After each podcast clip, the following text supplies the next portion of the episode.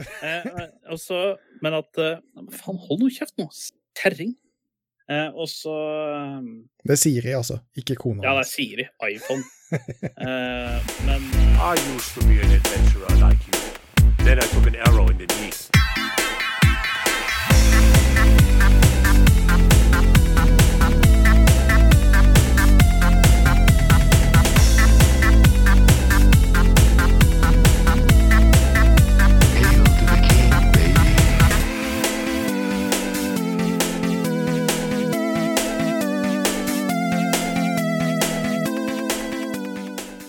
Ja, hallo alle sammen, og velkommen til Spill og chill, episode nummer tolv. Jeg er som vanlig Bob Rob, og på andre sida av PC-skjermen min så er Gunley. Ja, god jul, Gunli. God jul, eh, Bobby Bob. Jo, tusen takk. Og øh, hva skulle jeg si? Uh, lenge siden sist? Ja, nå nærmer det seg fem måneder. Ja. Um, Det, det, føles ikke som at det har gått fem måneder. Altså, Nei, nei. Vi, vi veit jo det at, vi er litt, at du er litt på etterskudd, men det, fem måneder, det måtte jeg faktisk sjekke når siste episode var ute, for å se om det stemte. Uh, absolutt. For det har vært en wild høst. Det har det. Det har vært eh, mye å gjøre, og tida har som sagt eh, flydd av gårde. Men det er jo litt flaut å innrømme at det er såpass lenge siden forrige episode kom ut. Eh, når vi så mange ganger har lovt å prøve å holde schedulen på, eh, på opplastningene våre. Men, men, Ja, men det ville ikke ha vært en Spill og chill-episode uten Uten at vi hadde prøvd å love det, da. ja. Eh, er inne også med at vi har en eller annen form for eh, øl på hver side. Skal vi ta oss og prøve en eh, synkronpop? Det kan vi ta og gjøre. OK, du teller ned. Yes. Three, two, one. Wow. Det ble faktisk Jeg tror det faktisk Jeg syns ikke det var så gærent, altså. Nei, Men eh, du hadde jo noe som spratt veggimellom, så du må nesten fortelle først. Hva, hva, er det, hva er det du har for noe? Eh, grunnen til at det spratt så hardt, var fordi jeg tok veldig hardt i. Eh, fordi jeg har fått en eh, juleølkalender i år, med 24 eh, forskjellige øl fra eh, mikrobrygger, som håndbryggeriet, Fedder eh, Ikke at jeg klarer å huske alt sammen i farta, men iallfall flere, Ok, flere. Nå er, det, nå er det noe som er viktig her. Vi er 28. desember, og du er fortsatt på adventskalenderen din. Er det det du prøver å si? Nei, men altså, nå er det jo ikke sånn at jeg kunne åpne en øl hver eneste dag, så er det noen som blir blitt liggende igjen i kjøleskapet. K Eh. kunne du ikke åpne en hver eneste dag? Jeg, eh, jo, i kalenderen, men ikke åpne og drikke den. Eh, så det er jo noen ganger som har åpna fire kalendere, og så har de ligget i kjøleskapet og, så, og kosa seg litt. Neste år så forventer jeg forbedringspotensialet, altså. Jo, men nå har jeg jo spart den nummer 24, som er en Færder Å, julespesial. det er til det er til og med julaften du har spart til nå, ja. Ja, så dette er en litt sånn utsatt julaften for, eh, for min side. Og grunnen til at jeg tok så hardt i det, fordi mange av disse mikrobryggeriene, de, eh, de har ikke den, den vanvittige poppen eh, som, som flere butikkjøpte øl har. Ja, Men eh, hvis vi skal ta en veldig kjapp test på denne, for jeg har ikke smakt den før. ja kjør på. Ja, det- Den var helt fin. Det smaker som en juleøl. Ja. Ja. Nice. Veldig. Hvem hvem var det som hadde lagd den, sa du? Dette var Færder. Det var Færder, Ja, ja, ja. Og du? Jeg eh, har faktisk eh, jeg, eh, Altså, bare navnet minner meg om at det er en gamerpils. Altså eh, Sånn navnmessig. Jeg sier ikke det at man skal drikke og game, for det drink responsible. Eh, men eh, navnet på den er Pils Please, Med, med. PLIZ. Ok, ja. Ikke med en X på slutten. Please. Mm. Og så er det bilde av sånn. Og det er eh, da uh, en bryggerkompaniet som har lagd. Klokk og co. Hmm. Så den er Den har ikke jeg smakt heller, så jeg tenkte jeg skulle hive inn på en liten en nå. Jeg må bare si det at Klokk og Co høres litt som ut som bryggeri i Andeby. Å, wow! Ja, det, ja, det gjør faktisk det. Wow! Mm, Var den bra? mm. Ja, den var bra. Wow. Den, den var du, kommer, du kommer ikke til å få sagt så veldig mye Nei, eh, Det de første fem minuttene. altså, det, det er egentlig bare være sånn halvvassen pils, pils eller noe sånt, men det Ja, men da har vi en Det- til anbefalingene mot slutten av uh, podkasten uansett. Og liksom, Det står jo 'pils please', og det smaker jo ikke som en rein pilsner. Spennende. Det må jo testes ut, for den reaksjonen var jo, var jo ganske ekte, da. Så Ja, eh, Bildet av den kommer til å bli lagt ut på discorden vår, så hadde jeg vært dere, så hadde jeg joina discorden vår. Linken finner dere i beskrivelsen på Spotify eller eh, den derre podbean. nå har vi jo sagt at det er veldig lenge siden vi hadde den forrige podcasten vår, så det er jo veldig, veldig, veldig mye som har skjedd. Um, Ja. Fra september uh, og til eh, nyttårsaften. Um, hva har skjedd i livet ditt? Oi, det er nesten nå har gått så langt at det er nesten sånn uh... Du må, må nesten kjøre sånn, sånn eh, rewind time. Ja, ja. Sånn nei, Det er ikke det er ikke lookback det heter, hva det heter. Uh, flashback. Nei, ja. Fl flashback heter det. Ja. Uh, nei, det har skjedd mye. Uh, men for å dra fram det som kanskje kan jeg, sånn interessant i sånn eh, eh, For podden sin del, så har det vært Det har jo vært mye spillrealitet som har skjedd i høst. Altså, det har kommet ut noen nye spill. Eh, du og jeg har jo sittet og sett Worlds for det store gullmedaljen. Mhm. Worlds har vært hinsikt bra. Så har jo Allstars akkurat vært om, men det var litt sånn med. Fordi det som gjorde Worlds litt spesielt, var det at alle var jo samla i Kina, og, og de spilte jo på scenen uh, uten publikum. Uh, men de fikk i hvert fall spilt på en scene, og det, det er så mye bedre enn å se når de spiller hjemmefra, på en måte. da. Ja, og da, uh, som den, kjen, den jevne lytter vet, så er det jo League of Legends det er snakk om. Ja, ja selvfølgelig. Le- Le- League of Legender. Mhm. Eh, så godt Altså hele oktober basically gikk jo til Seabolds. Der når man hadde fritid. Eh, og så har det jo vært eh, playoffs eh, før det, se hvem som kvalifiserte seg til Worlds. Både LAC og LCS og LCK og LPL og OCE. Så har det vært, det har vært mye jobb. Det vanlige. Og så har jo koronaen har jo da tatt knekken på resten av dartsesongen, så det har ikke vært så mye dart, faktisk. Nei, nei, nei, skjønner det. Men det har jo vært en del spilling, men det kan jeg jo komme tilbake til eh, etterpå.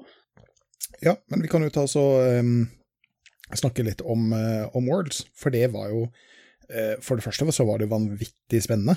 Um, LAC hadde jo store, store, store forhåpninger eh, i, i G2 og Fnatic, og jeg var jo på besøk hos Ja, Vi deg hadde jo forhåpninger med Mad og Rogue òg, men de kom seg ikke videre, dessverre, fra Planes og, og puljespillet.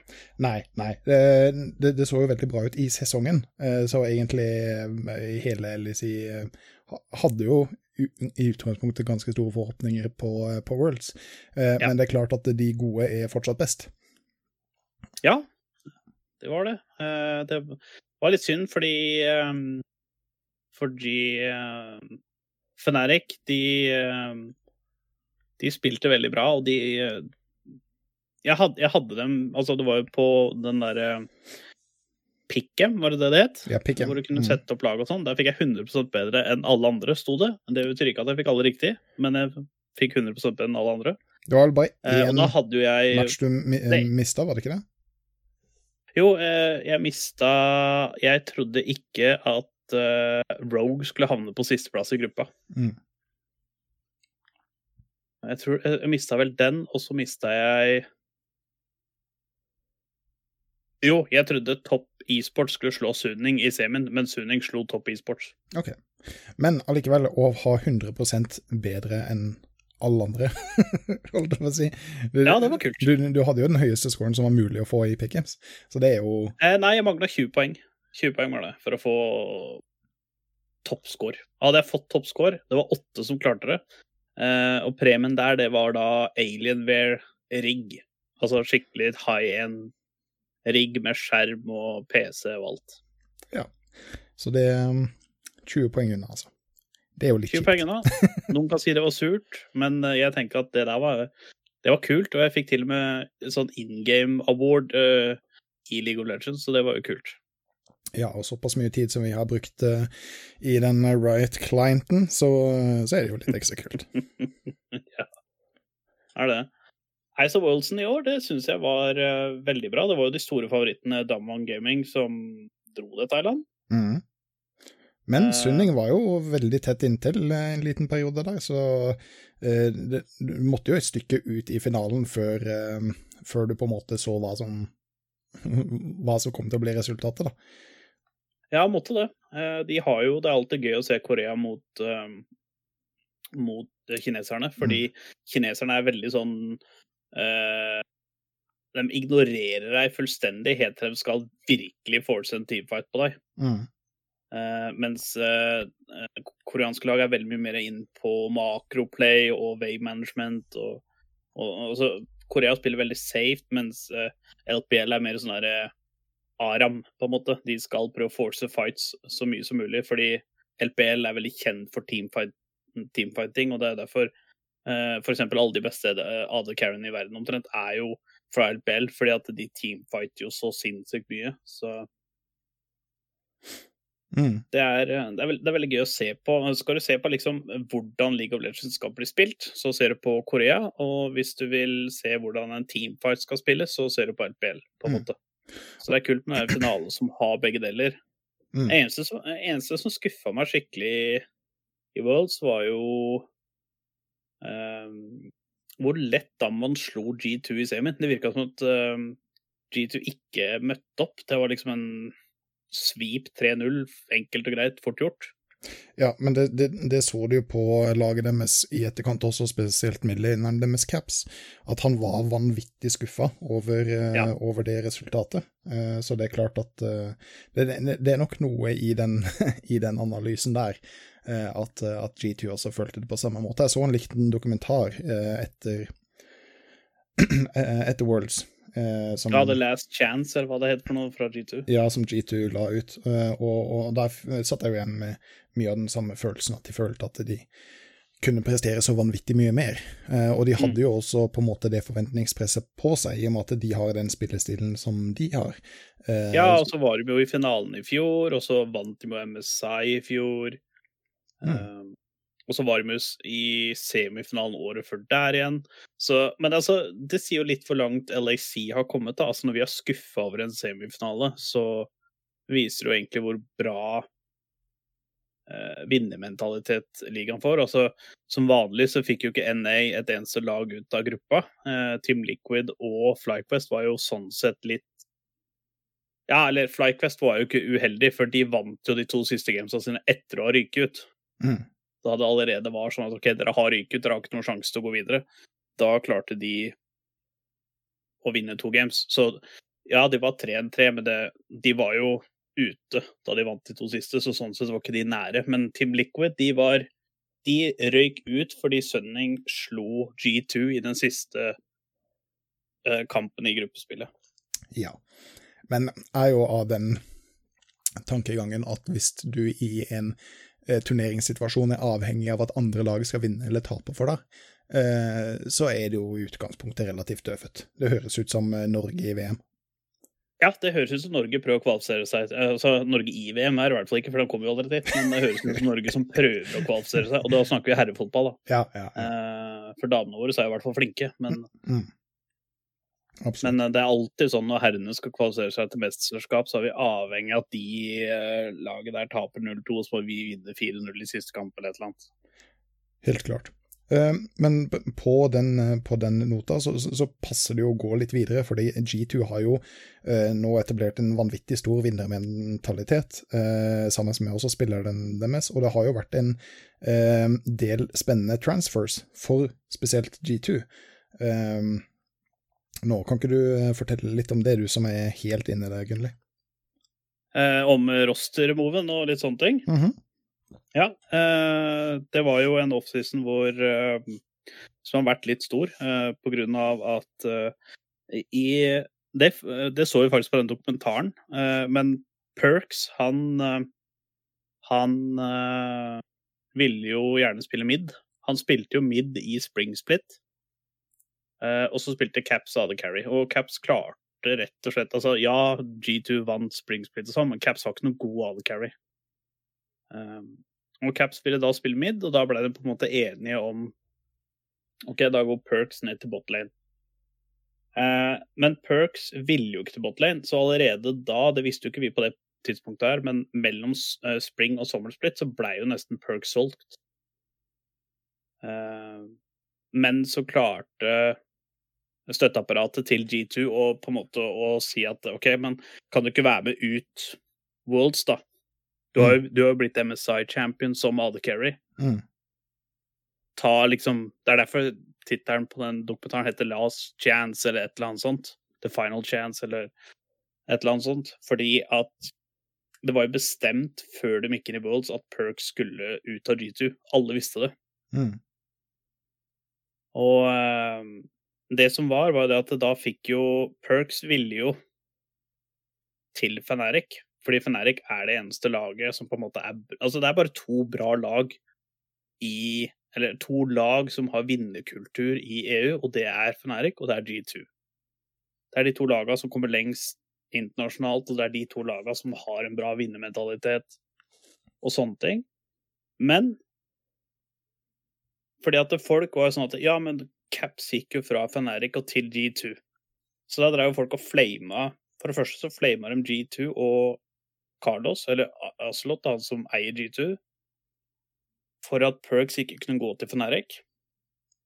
Og så begynte de på å flame Caps, for at han hadde tatt rollen til Perks. Eh, og sånne ting, så det var jo et skikkelig shitshow uten sidestykke. Mm. Men her kommer det som på en måte justifier hvorfor eh, Aslot satt foten ned for at Perks skulle gå til Fenerik. For det var det Aslot som stoppa. Han sa at det var ikke aktuelt. Og det er fordi da Caps gikk fra Fenerik til G2, så var ikke Caps under kontrakt med Fenerik. Den hadde gått ut, og da var han free agent, og da hadde han mulighet til å velge å gå akkurat hvor han ville.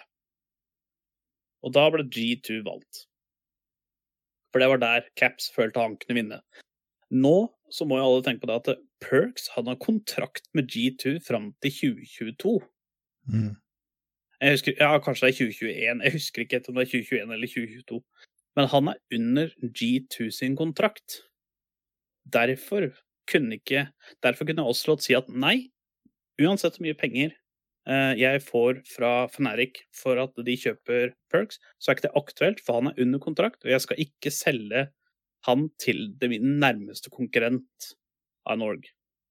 Og sånn er det i alle sporter. Sånn er det i fotball, sånn er det i basket og sånne ting.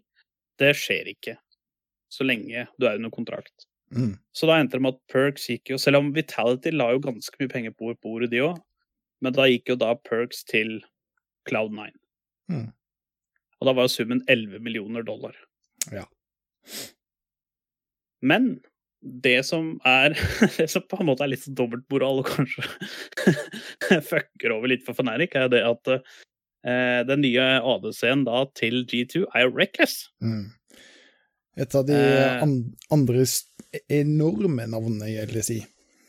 Ja, altså, Reckless er jo ansiktet til LAC, vil jeg nesten påstå. Mm. Eh, Etter at eh, eh, XPG og de gamle gutta ga seg. Så vil jeg jo si at eh, Reckless er liksom Han er vel den spilleren i LXI med den største fanbasen. Og eh, Men han var igjen, da. Han, han var free agent. Uh, Fnatic ga tilbudt den veldig mye penger for at den skulle bli i Feneric, men Reckless er som Caps. De er vinnere. Altså, de tenker kun resultater. Mm.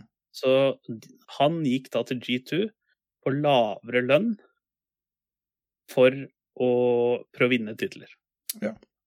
Og med det oppsettet som de har nå, så, så begynner man jo å, å, å lukte litt på det at det faktisk kanskje kan skje når du har eh, en, en mann som Caps i midlane og en, da en mann som Reckless på botlane.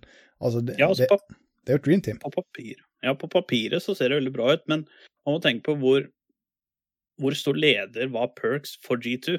Altså Perks var en spiller som styrte veldig mye i G2, sånn det gjelder pick and bands, level 1-strategier osv. Så, videre. Mhm.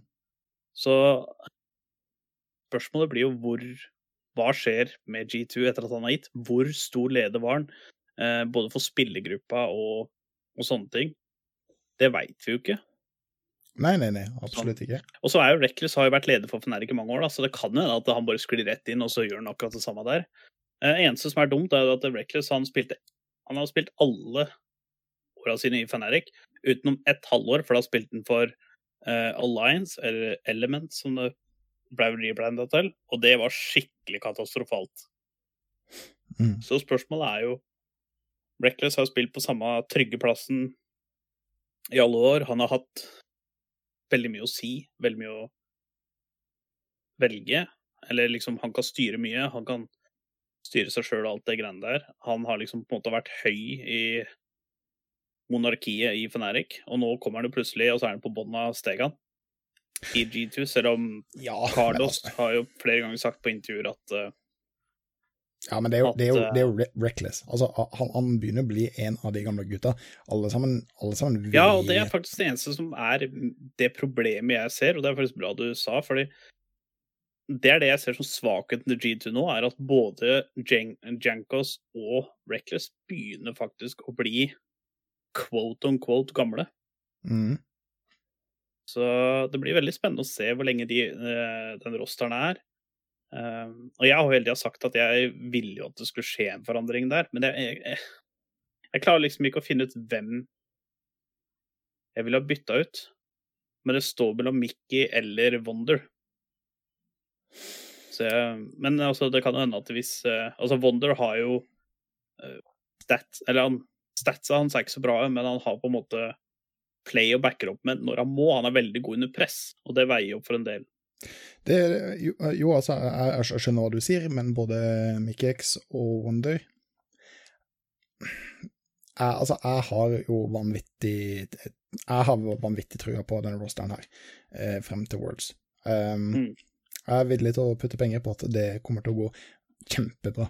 Uh, jeg er Altså, jeg skal kjøpe jeg, Altså, dette er ikke kødda. Jeg skal kjøpe uh, min aller første jersey ever, og det skal være G2-jersey. Ja, for du har jo vært Fanatic, Fanatic Boy i alle år. Altså, Fenerik er min favorittorganisasjon i Europa. Eh, det har det alltid vært, både innafor ikke, in, ikke nødvendigvis innafor league, nødvendigvis, men det har liksom vært favorittorganisasjonen som har vært, da. Mm. Eh, fordi at det, må man tenke på. Sånn som G2 de spenner latterlig store penger på å ha de beste spillerne i alle spill. Når de har fått Nico i CSGO, som er en av verdens beste spillere, det kosta jo mye. Eh, de har jo det beste Rocket League-folka. De har jo um, er ganske stack roster på Siege, eh, verdensmestere i Siege. Um, Rainbow Six Siege, altså. Mm. Uh, League of Legends så har de jo sevine dyr roster. Um, ikke sant? De begynner å få ja, ja, i CSGO så har de jo faktisk en ganske dyr roster òg, i forbindelse med det franske superstjernene. Så det er Mens Feneric har liksom vært kjent for å ta inn ukjente talenter og utvikle dem til å bli noe store. Reckless var jo det. Han var jo ukjent. Han kom inn, ble kjempespiller. Caps, ingen visste hvem han var. Kom inn, ble dritstor. Eh, og masse innafor andre e-sporter òg, hvor, hvor akkurat det samme har eh, skjedd, da. Mm. Så jeg har liksom alltid vært veldig sånn Fanatic-fan eh, i forbindelse med det. Eh, men jeg er jo sånn som i andre e-sporter, så er jeg eksempel litt Cloud9 og litt G2 og litt sånne ting, ikke sant. Eh, men da er det ve veldig ofte at jeg følger én spiller, da, som jeg liker veldig godt. Som hvis han bytter org, så heier jeg på det orget han er med, liksom. Men mer eller mindre det er org som er kjent for å eh, ikke betale lønninger i tide og litt sånne ting.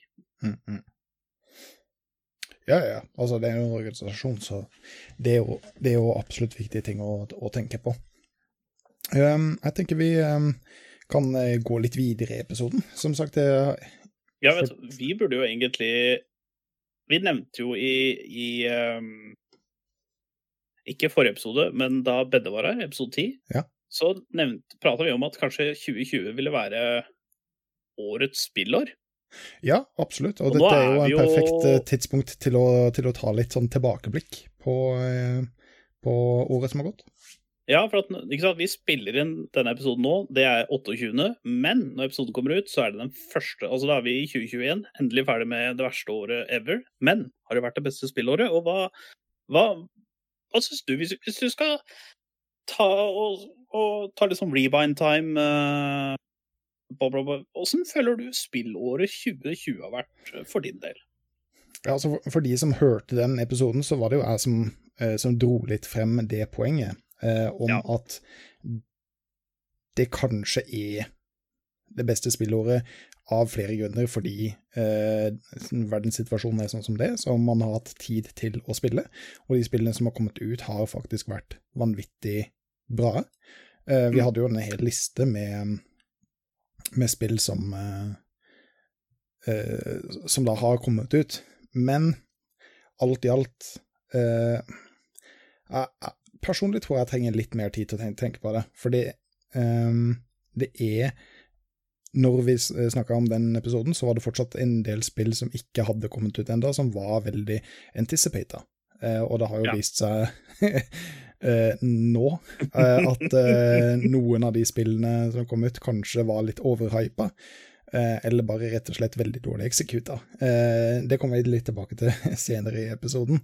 Um, men Men sånn gamingmessig for din del, da? Hvor, hvor, hvor høyt oppe? For at gameåret 2020 trenger ikke nødvendigvis bare være i forbindelse med hvilket spill som kommer ut og sånn, men det, det må jo være litt på for din del, da. Ja jeg, jeg tror nok, sånn som det kjennes nå, så tror ikke jeg at dette er, har vært det beste spillåret. Personlig. Personlig. For min del. Eh, om det viser seg at det kommer til å være det sånn generelt på folkemunnen eh, om eh, fem til syv år, det kan fortsatt hende. Eh, men personlig så tror jeg ikke at dette, har vært det beste spillet for meg, selv om jeg har hatt veldig mye tid til å spille, eh, og hatt det vanvittig mye morsomt med å spille. Eh, men for å være ærlig, så, så, så har jeg fortsatt bedre minner fra tidligere år, da. Ja. Som vi snakka litt om i også en tidligere episode. Ja, jeg var jo den der som eh, var litt sånn skeptisk på at 2020 kom til å bli uh, årets år. Jeg husker ikke om jeg var det i episoden, eller om jeg bare var det behind the scenes. Uh, men jeg syns ikke 2020 har vært det beste året. Nei. Ja, det har sikkert kommet ut mange kule spill og, og sånne ting, men uh, Jeg veit ikke, altså. Jeg spiller veldig mye online games, gjerne PVP. Og jeg tror kanskje pandemien har gjort til at det ikke har vært den beste opplevelsen. Ok. Så mm, Kanskje. Eh, og så er det jo, ikke sant, ja Det ene spillet som har kommet ut, eh, som vi har tidsspillet, at det har, har jo virkelig slått an og levert til de grader. Det andre spillet har gjort rake motsetninga. Mm. Eh, så Og jeg, jeg har jo ikke spilt eh, ferdig noen av de to spilla, eh, men jeg har sett veldig mye på de spilla. Så jeg Mm. har liksom Jeg veit Altså, det ene spillet har jeg sett hele gametruen på, så det veit jeg hva skjer i. Ja, det andre spillet det har, har jeg sittet og grinet meg i latter for å se hvor horribelt det faktisk kunne være. Mm. Så, men jeg tror ikke Vet du hva, jeg tror faktisk ikke 2020 er eh, Kan Vet du hva? Hvis jeg skal bare ta spi mine spillopplever og opplevelser sånn, så vil jeg kanskje ha det på topp tre. Fordi Ja, ja. både du og jeg har jo leika mye rundt på Riften. Eh, I Siege, PubG Altså Vi har jo spilt veldig mye sammen i år Mm. på nettet, og det har vært dritkult. Så hvis jeg skal bare ta opplevelsene, så er det kanskje topp tre, mellom topp fem og topp tre et sted. Eh, Ja, men det kan, sånn, det, kan jeg si meg enig i. men sånn spillmessig, sånn som spill som har blitt lansert og sånn, så eh, Nei, det er ikke nærheten for meg, egentlig. Nei, nei, nei. nei jeg skjønner, men altså, det, det er rart med det. Altså, den nostalgien er, er veldig kraftig. Så hvis du spør meg igjen om ja, la oss si fem år, det kan det hende at jeg har litt varmere følelser eh, for 2020. Eh, men for akkurat nå, sånn som jeg sitter og tenker, så, eh, så vet jeg ikke. for, for å være helt ærlig, jeg, jeg, jeg tror ikke det, altså. Um, men nå har vi gått ganske mye rundt grøten på, um, på det som er elefanten i rommet. Uh, Cyberpunk 2020. Uh, kan du ikke 2077. uh, Ja, nei, men nå er den 2020, for det er så totalt katastrofe. Uh, Så, Ja, det er jeg helt enig i. så nå, nå er det Cyberpunk 2020. Uh, kan, kan ikke du starte litt, egentlig? Altså, hva, hva, skjer her? Ok. Uh, bare for å ta det aller, aller verste først. Mm. Eh, dette har jo blitt lansert på PC, eh, Xbox Series X og PS5. Og så de to eldre generasjonene, Xbox eh, One X og PS4. Ja. Eh, PS4 klarte ikke å håndtere Cyberpunk 2077 i det hele tatt.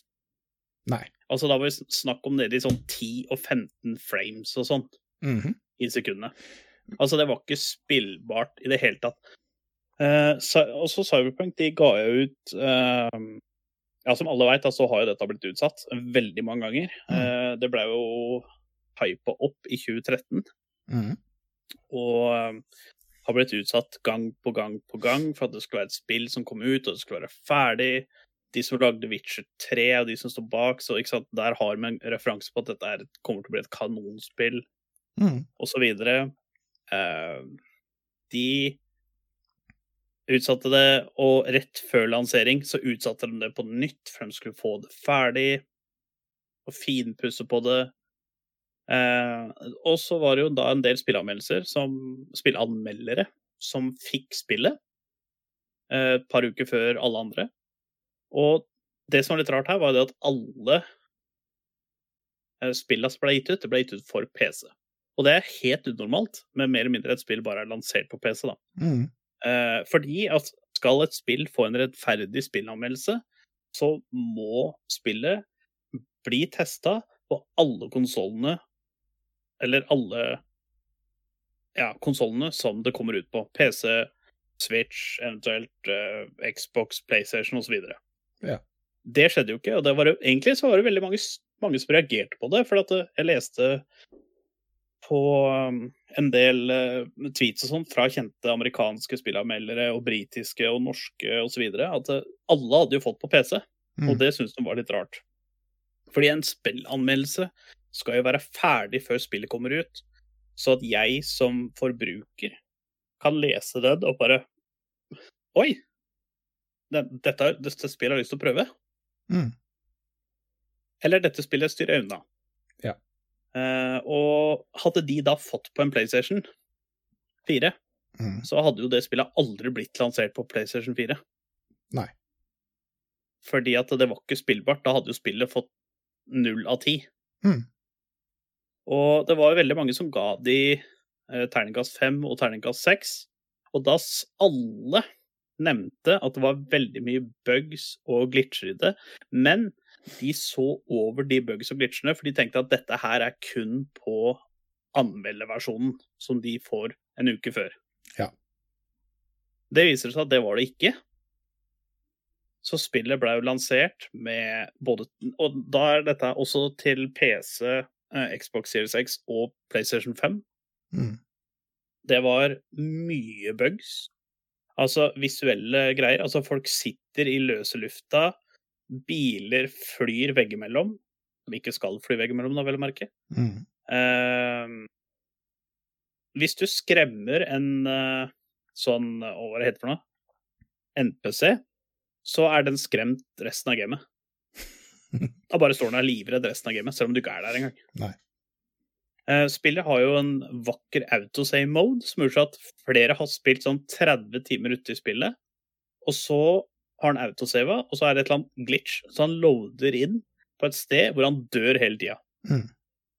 Så det vil si at når du har spilt 30 timer, så må du slette fila for å starte en ny en. Eh, fordi at eh, du spåner jo bare din egen død hele tida. Mm. Eh, så ikke sant, folk Det var jo en glitch som var sånn at folk holdt jo eh, en gunner i hånda hele tida. Så folk løfta jo benker og holdt jo en pistol i samme hånda de løfta vekter med og sånn. Så det var jo litt rart. Eh, folka der drakk jo av ikke noe. Mm. Og det var generelt Altså, skulle du gå inn i bilen og sånn, så var det bare en figur Altså, det så ut som var laget på Gameboy Color. Altså, han står oppreist og bare Døra åpner seg, så ser du bare karakteren skyves inn i stående stilling. Mm. Så altså, det er så mye feil på det spillet. Det er så mye glitcher. Er De fleste sånn generelle eh, glitchene og bugsa er artige. Men det er såpass mange store som gjør at spillet ikke er spillverdig Ja. eh, igjennom. For, for, for det er jo greit, det. du har jo forskjellige typer glitcher. Altså, du har morsomme glitcher, du har visuelle bug-glitcher, eh, du har eh, eh, dypere eh, game-mekaniske glitcher, og så har du game-breaking-glitcher, ikke sant? Det, det, det er på en måte en, hel skala, og alle det her med at det er en mann som står og så prøver å kjøpe noe ut av en eh, vendingmaskin som egentlig ikke eksisterer der. Det, det Ja. er litt sånn ha-ha, det er litt morsomt. Ja, ikke ikke sant? sant? Det, er funny. og Ikke sant? Da ser du på oss bare Faen, er det- hva er det du driver med? Ja. Og, og, og, right, og det at når du skyter i vannet, så kommer det ikke sånn, sånn splash opp. Det er litt sånn ja ja, ok, greit. Det, det, det tar ikke bort fra den totale spillopplevelsen hvis det i bunn og grunn er et veldig bra spill. Men når du kommer til sånn som du sier, at den autosaver idet du dør, eller at du får ikke fullført et mission fordi eh, du får ikke en telefon eller en melding som du egentlig skal få for å kunne fullføre missionet, ikke sant? Ja. Det, det begynner å bli game-breaking bug som gjør Det at er sånn at å slette fila di for å begynne på nytt, liksom, og det er litt kjedelig når det er 30 timer uti, da. ja, Så ja, ja, du kan ha forskjellige versjoner av spillet etter hva du velger i starten og sånne ting, men Altså, jeg så de som de, eh, Nå har de jo patcha opp ganske mye. Det er fortsatt mye feil på det, men de har i hvert fall kommet ut med et par sånne emergency patches på PC. Eh, på PlayStation 5 og Xbox Series One X så eh, jeg er litt usikker på om de har gått live ennå, men de er jo pålagt, de òg, før, før ja, Når du hører episoden her nå, da, så har de kommet ut, for de skulle komme ut før nyåret. ja, ja, ja, men Eh, men eh, det er fortsatt mye feil på det, og det er flere jeg veit om som spiller det, som ikke har kunnet runde spillet ennå, for at de kommer seg ikke gjennom de bugsa. Eh, og, men de, de aller største verste er nok ferdig nå, men det er liksom sånn som eh, alle sånne store streamere som ble betalt av Cyberpunk-folka for å spille gjennom det, de sa det at eh, de ga spillet fem av ti og sånn, for at det var så mye bugs på det. Men de sa at hvis alt, alt av bugs var borte, og spillet var smooth, så ville de ha fått ni av ti. Ja, men altså Jeg, jeg vet Men ikke. ikke Jeg, jeg vet. Shroud da, har jo en gigarigg. Altså, PC-en hans er er verdt flere hundre tusen kroner. Han har det nyeste og beste av absolutt alt. Du får ikke eh, Eller du får jo alltid bedre rigg hvis du prøver, da, men sånn ytelsesmessig så får du ikke en bedre rigg nå. Og han var nede i 30 FPS og sånn, Mm, mm. Og da begynner det å bli krise. Ja, ja, ja, det er helt han klart. spiller alt av andre spill på 260 FPS, liksom. Ja, det, blir litt som den gamle memen, men med kan den kjøre Crisis, liksom. Eh, Men min tolkning av dette er um, uh, full disclaimer, jeg har ikke spilt Cyberpunk, jeg har ikke kjøpt det engang. Um, fordi uh, Cyberpunk var et spill som jeg har hørt om for lenge siden. Jeg har ikke med vilje ikke vært hypa på det, men jeg gleder meg til å se hva det blir til, og gleder meg til å spille det, eh, hvis jeg kan si det på den måten. Så jeg har på en måte unngått all informasjon, alle spoilers og ja, egentlig alt som har med Cyberpunk, har jeg på en måte eh, prøvd å unngå. Eh, for å på en måte få en sånn frisk innstilling til det når det faktisk kom ut. Ja. Men det var jo det første jeg hørte om når det da endelig kom ut, var alle de herrene feilene. Og jeg har tre kompiser som sitter og spiller det, og vi har sittet og streama over Discord, eh, og jeg har sett på når de spiller det. og, og, og det er jo Altså, det- er jo til tider uspillbart. Altså helt, Ja. helt, helt sykt. Og det skuffer meg på så mange måter, fordi CD Projekt Red, som har produsert dette Altså, jeg er kjempefan av de. Det er jo de gutta som Ja, jeg har også. Og jentene. Witcher 3. Ja, som, som har hele Witcher-serien.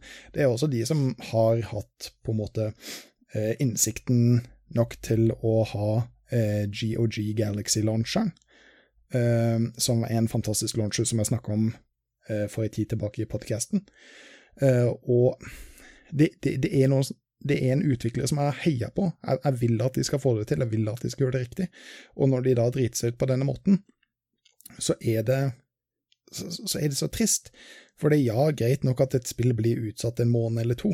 Greit nok at de utsetter det et par uker etter den andre utsettelsen. Men når de da kommer med et spill som tydeligvis hadde trengt et helt år til på seg, for Ja. i det hele tatt å være spillbart, så, så, så tenker jeg hva, hva er det de holder på med? Hva er tankegangen deres? De har jo møter daglig for dette.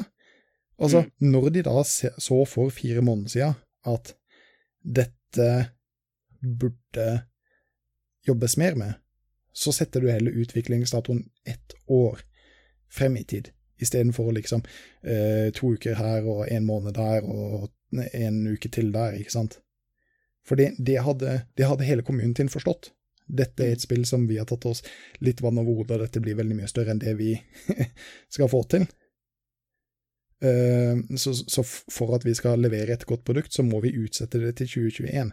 Det tror jeg hadde vært veldig mye bedre for de å gjøre. For dette var jo et spill som skulle komme ut før eh, neste generasjon gamingkonsoll var lansert.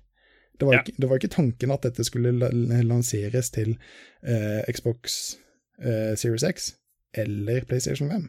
Det skulle Mm. komme ut på PS4. Og nå er du trukket Ja. tilbake fra butikken. Fordi det går ikke Ja, an å altså spille. Sony har trukket det tilbake og lovet refund av uh, alle som har kjøpt det.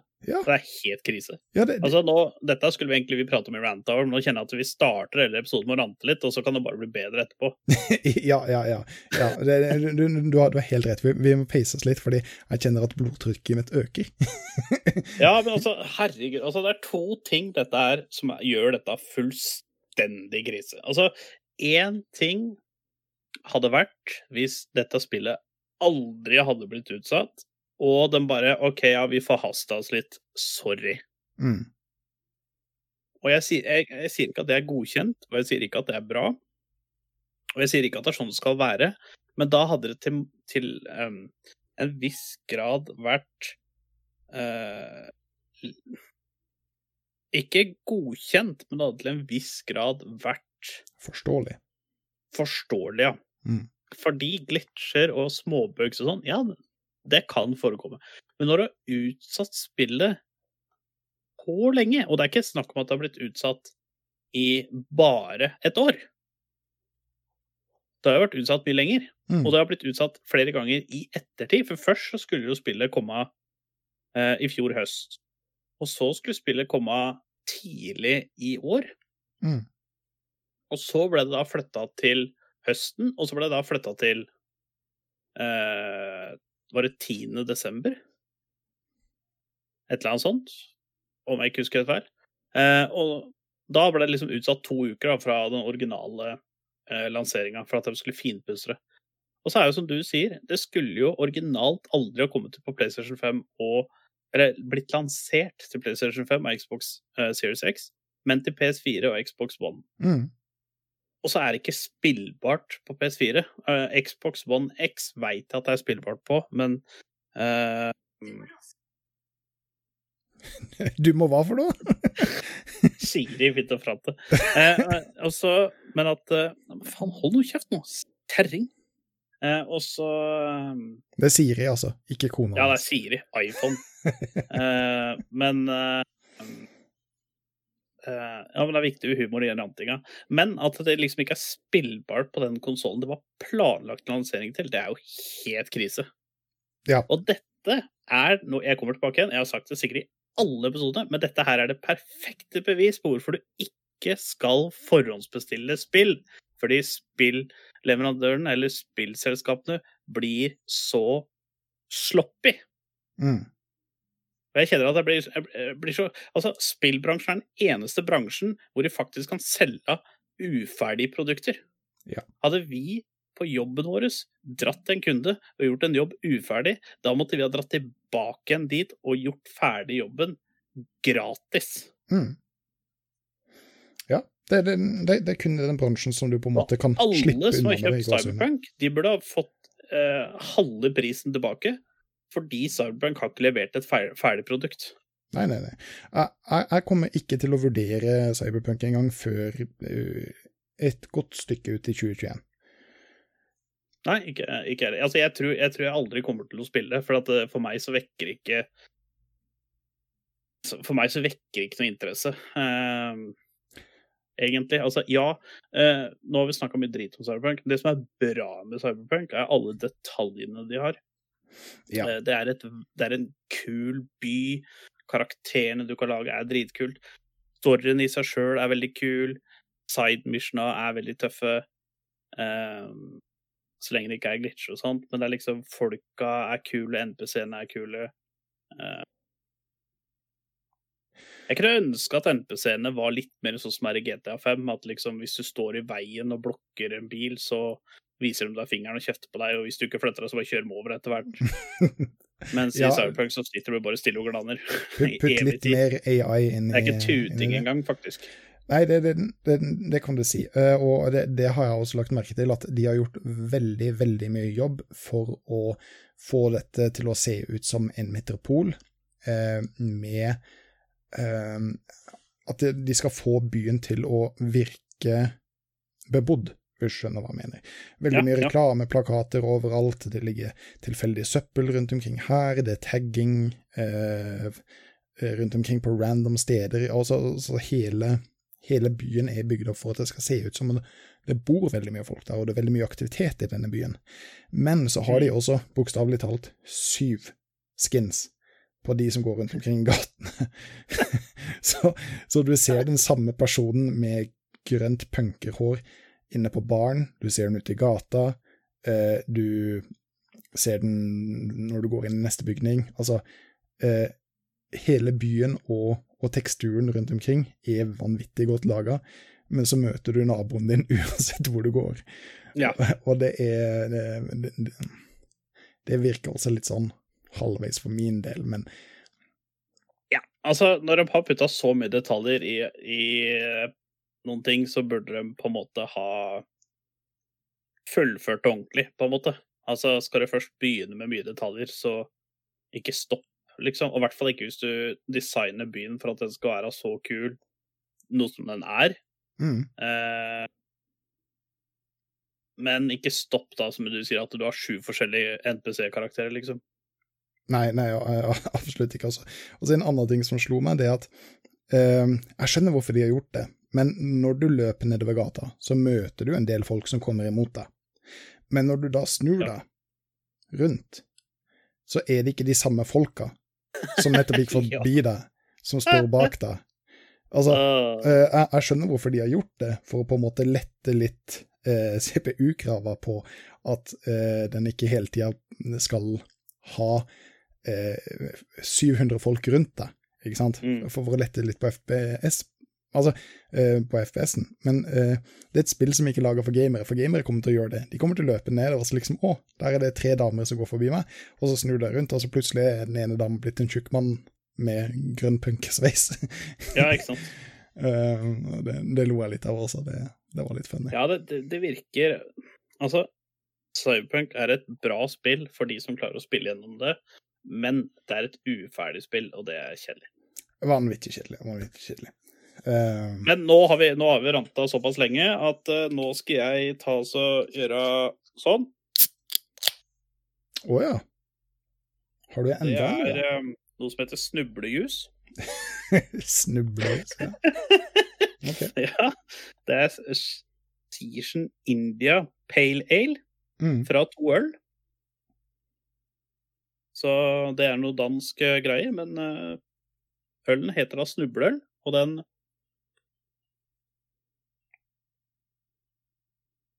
Åh, ja! Der har vi den, vet du. Ja, bra. Ja, den er bra. Ja, Den er bra. Danskene er jo som regel ganske gode til det. og spesielt da hvis du er glad i pale ale eller sånn IPA og sånt, så, så vil du garantert digge denne. Ja. Men vi har jo Det har jo kommet et annet spill da, som faktisk slo an, som var ferdig, eh, og som folk faktisk har nytt i Norge i. Ja. Og vikingtida, det er jo Assassin's Creed Valhalla. Trenger ikke, trenger ikke å ha griselang snakk om dette. Eh, jeg har ikke spilt dette ferdig, men jeg har bare fått med meg eh, gameplay og sånne ting. Og jeg var jo veldig Jeg er jo dritstor Assassin's Creed-fan. Helt enormt. Eh, men jeg følte ikke at vikingtida på en måte hva hadde noe med Assassins å gjøre. Nei. Så jeg Eh, var aldri Altså, jeg var hypa at ja, det var et vikingspill, ja, det er i Norge, og ja, de har drikkeleiker som de hadde i Norge, og de skriker skål i bakgrunnen når de drikker. Det er kult, men jeg jeg jeg mister den liksom Assassin's Creed-viben. Selv om ja, når du er inne i spillet og sånn, så ser du at det er Assassin's Creed. Mm. Det er samme oppskrift, det er samme suksessoppskrifta, bare for å nevne det. Eh, Det er samme spicen som gir Assassin's Creed det som er Assassin's Creed. Eh, Men jeg liksom Og storyen er veldig bra, men er storyen Assassin Creed bra? På en måte, altså Er, er, er det vikingbra historie, eller er det en Assassin's Creed-bra story? ja. Så jeg har faktisk ikke turt å kjøpe den da. Mm. Fordi jeg er ikke klar ennå til å bli skuffa. Jeg frykter at jeg kommer til å bli skuffa. Jeg skal spille gjennom det, og jeg skal 100 til det spillet som jeg gjør med alle andre Assassin's Creed-spill. Men jeg veit ikke, ikke hvor hjertet mitt er klar til å bli skuffa ennå. jeg, skjønner, skjønner hva du sier. Eh, altså, det, det er jo ikke en veldig Assassin-orientert eh, eh, setting eh, med vikinger. Men Nei, ikke sant, det var det jeg tenker på. Er, er, er kult. Eh, det som jeg har hørt fra de som har spilt det, er at det virker veldig som en reskin av Odyssey. Ja. Eh, men Det er jeg enig i. det ser bra ut. Det høres morsomt ut. Eh, og det er litt sånne små easter eggs for folk som f.eks. har sett Vikings uh, og så videre. Så uh, Og spilt forrige Assassin's Creed-spill. Ja, ikke sant. Så um, at, at det er et underholdende og et uh, morsomt spill, jeg tviler ikke i det hele tatt. Men uh, det er jo litt som vi snakka med Bedde for ei tid tilbake, om at eh, altså, når er det Trengte dette å hete Assassin's Creed? Jeg skjønner, jeg skjønner jo, basert på det Bedde sa, eh, hvorfor de velger Melke ut serien, på en måte. ja, ikke sant. De har brukt veldig mye tid på å uh, gjøre reklame uh, for Assassin's Creed. Så når de da kaller det Assassin's Creed, så har de på en måte tjent inn veldig mye av pengene sine der. Men altså, det, det, det, kunne jo vært noe helt annet. Det, det kunne jo vært en eh, original um, Et originalt spill. For det, Ja. det, det har jo ikke så mye med Assassin's Creed å gjøre i utgangspunktet, sånn som jeg har forstått det. Nei, altså det, det, er, det er litt som du sier, at det ser ut som et, ut som et Odyssey, bare i Vikingene. Altså det bare er på en måte nytt skin og sånn. Eh, det var det første jeg reagerte på når jeg så det. det er, du kjører, du plasker rundt i en båt. Eh, det er liksom samme mekanikken og sånne ting. Ja, det er et par andre ting som har endra seg og, og sånne ting, men det er liksom Ja, derfor sier jeg det, det er samme krydder, det er samme suksessoppskrifta på Assassin's Creed. Men jeg kunne ønske at det var noe på en måte helt nytt. Eh, noe som på en måte kunne få meg skikkelig gira på eh, Det er det som er problemet mitt. Jeg, jeg har ikke vært gira på det. Altså, fordi jeg tror jeg kommer til å bli skuffa. Sånn storymessig. Mm. Eh, I forhold til de andre Assassin's Creed-spillene. Og det er derfor jeg elsker alt som er med Assassin's Creed. Det er for at det, du kan linke sammen alle spillene. Ikke sant? Så noe av det mest geniale er at når du spilte eh, Rogue og Unity tre og treeren, så har alle de tre har skikkelig direkte connections, og fireren. Eh, og så er det så ille som at det siste oppdraget ditt i i Rogue, spoiler hvis dere ikke har spilt Rogue, det er å drepe faren til han ene fyren i, i Unity. Og når du starter opp Unity, så starter du som guttungen til han faren som blir drept. Mm. Så du, du starter direkte overlapp fra Rogue til Unity, og det er litt kult. Det, var, det var vel mind blown, regner jeg med, når du Ah, fy faen, Når jeg merka det. Holy mac and cheese. Ja. Fordi eh, jeg trodde Jeg spilte Unity først. Ikke at det hadde hatt noe å si, da, men det var det jeg gjorde. Og jeg fikk en Rogue etterpå, for at jeg, jeg fikk jo et av de spillene som fulgte med eh, Xbox One, eller et av de spillene som skulle på en måte være lokkeplaster til å kjøpe Xbox One, det var jo Assassin's Creed Unity, så jeg kjøpte jo det med Unity. Mm. Og jeg spilte det, jeg bare Altså, ja, Unity, det var en bugfest av eh, Altså, det var mindre bugs der enn det var i Cyberpunk, men eh, igjen så er det et mindre spill, da. Men eh, det var også ganske heftige bugs der. Men eh, da jeg spilte Rogue da etter å ha runda Unity, jeg, jeg var så mindblown at det var helt sinnssykt, liksom. Jeg satt der og bare og gliste en halvtime, og så fullstendig retard ut. Ja. Så, så, sånn går det når du nevner Assassin's Creed for Gunley. Da, da sitter han ute og går på Da kommer hjertet ut, altså. På noen mimrestunder her. Eh, Ja. Absolutt. Um, jeg kan jo ta og nevne litt hva jeg har spilt anna i det siste, for det er jo ikke Ja. stort at det har vært veldig, veldig veldig mye League of Legends. Um, jeg blir litt mobba av de Ja, ja, jeg, jeg blir litt mobba av de som jeg spiller veldig ofte med, Uh, at uh, jeg bare sitter på Riften hele tida. Men jeg har spilt et spill som heter for Spellbreak. Um, og det er egentlig et litt morsomt spill. Uh, jeg starta for ei stund siden når det var i beta, og hoppa veldig tidlig på det. Det er et um, battle royal-type spill, men det som er såpass annerledes med dette, er at du er en magiker som har to forskjellige oh, ja. hansker med to forskjellige elemental eh, eh, ting, da. For eksempel eh, flamme... Altså, her, her luter du liksom ikke nærmeste pistolen, på en måte? Nei, eh, du har en loadout som du går med. La oss si at eh, du velger at du skal være en magiker som er spesialisert på eh, Earth. Eh, Da kan du på en måte levele opp perksa dine på eh, Earth-magicen din. Og når du er ute og luter, så kan du finne en secondary glove, som da for eksempel kan være flamme eller is eller vind eller eh, toxic. Så, så, så da har du to forskjellige elementalkrafter som du da kan kombinere i ganske kraftige og uh, game-changing eh, kombinasjoner. da. Har du for eksempel eh, toxic og eh, flamme, eh, så Mhm. kan du få det til å eksplodere. Har du eksempel is og vind, eh, så kan du kombinere de til å lage en isstorm som fryser alt sammen på ehm, eh, i kampen, da. Ja. Eh, og, og, og det syns jeg er en veldig morsom måte å, å, å gjøre en Battle Royale på, da, istedenfor at det blir en FPS hvor på en måte det er den som er den aller dyktigste til å aime. Um, Mhm. Så, så altså, Det blir jo det på dette også, selvfølgelig, men eh, du, alt som har en travel time, eller så har det eh, eh, en hva, hva det heter, alt som har et fall på seg. Kaster du f.eks. ut uh, Toxic, så, så har det en, en fallbue på seg, som gjør at du må beregne ja, litt annerledes ja. enn det du gjør med et FS-spill. da. Eh, og så er det de der kombinasjonene som enten uh, du klarer å mestre, eller så mestrer motstanderen det veldig mye bedre enn det. Uh, og så er det en del andre forskjellige perks som du kan oppgradere en spesialstyrke, da, for eksempel eh, dobbel eh, jump, eller usynlighet, eller dash, eller til og med flying. Så er du en litt mer sånn stealthy eh, type, så kan du være invisible, løpe inn, gjøre vanvittig mye damage, eh, stelte ut igjen, og og, og, og spille på den måten. Eller så kan du rett og slett bare fly inn i en allerede eksisterende kamp og bare wrecke totalt. Eh, så, så, så jeg syns det har vært kjempespennende. Nå har det jo faktisk endelig kommet ut, eh, og det er veldig mye endringer som er gjort der siden betaen.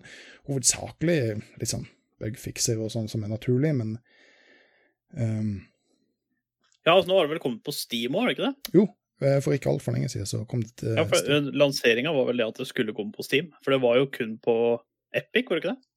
Jo, Da det var beta. jo. Og det, det var jo på Epic også den første uka, tror jeg, under lanseringa. Så er lasta ned Epic Launcher kun for å spille Spellbreak. Men nå er det på Steam. Eh, Så da har jeg jo selvfølgelig lagt det til deg, så da sletter jeg Epic med en gang. Så nå, nå trenger jeg ikke ha den Epic Launcheren. Freedom! Freedom. Jeg sletta faktisk Epic Launcheren rett før vi starta episoden nå, for det så at den fortsatt lå i papirkurven min. Oi, oi. Så, Du bare tok the trash can out, liksom. Ja, bare tøm, eh, tøm den. Er du sikker på at du vil slette Epic Launcher? Yes. Det Please. Det Ja. Eh, Så det har jeg gjort. Og så har jeg spilt veldig mye League of Legends. Det er vel det som har blitt til. Ja, jeg har jo spilt uh, latterlig league, men jeg har også spilt et par andre spill. Det ene skal jeg snakke litt om seinere, men jeg har spilt med broderne. Vi har jo fast juletradisjon å gå gjennom gamle GTA-spill. Mhm. Så vi har jo fortsatt der vi slapp i fjor, på GTA 4. Med Nico. Nico. Så det har jo vært gøy. Mhm. Vi spilte ikke så veldig mye da, for vi hadde bare én eller to dager på oss. Men uh, før kjerringa hans kom ned og litt sånne ting.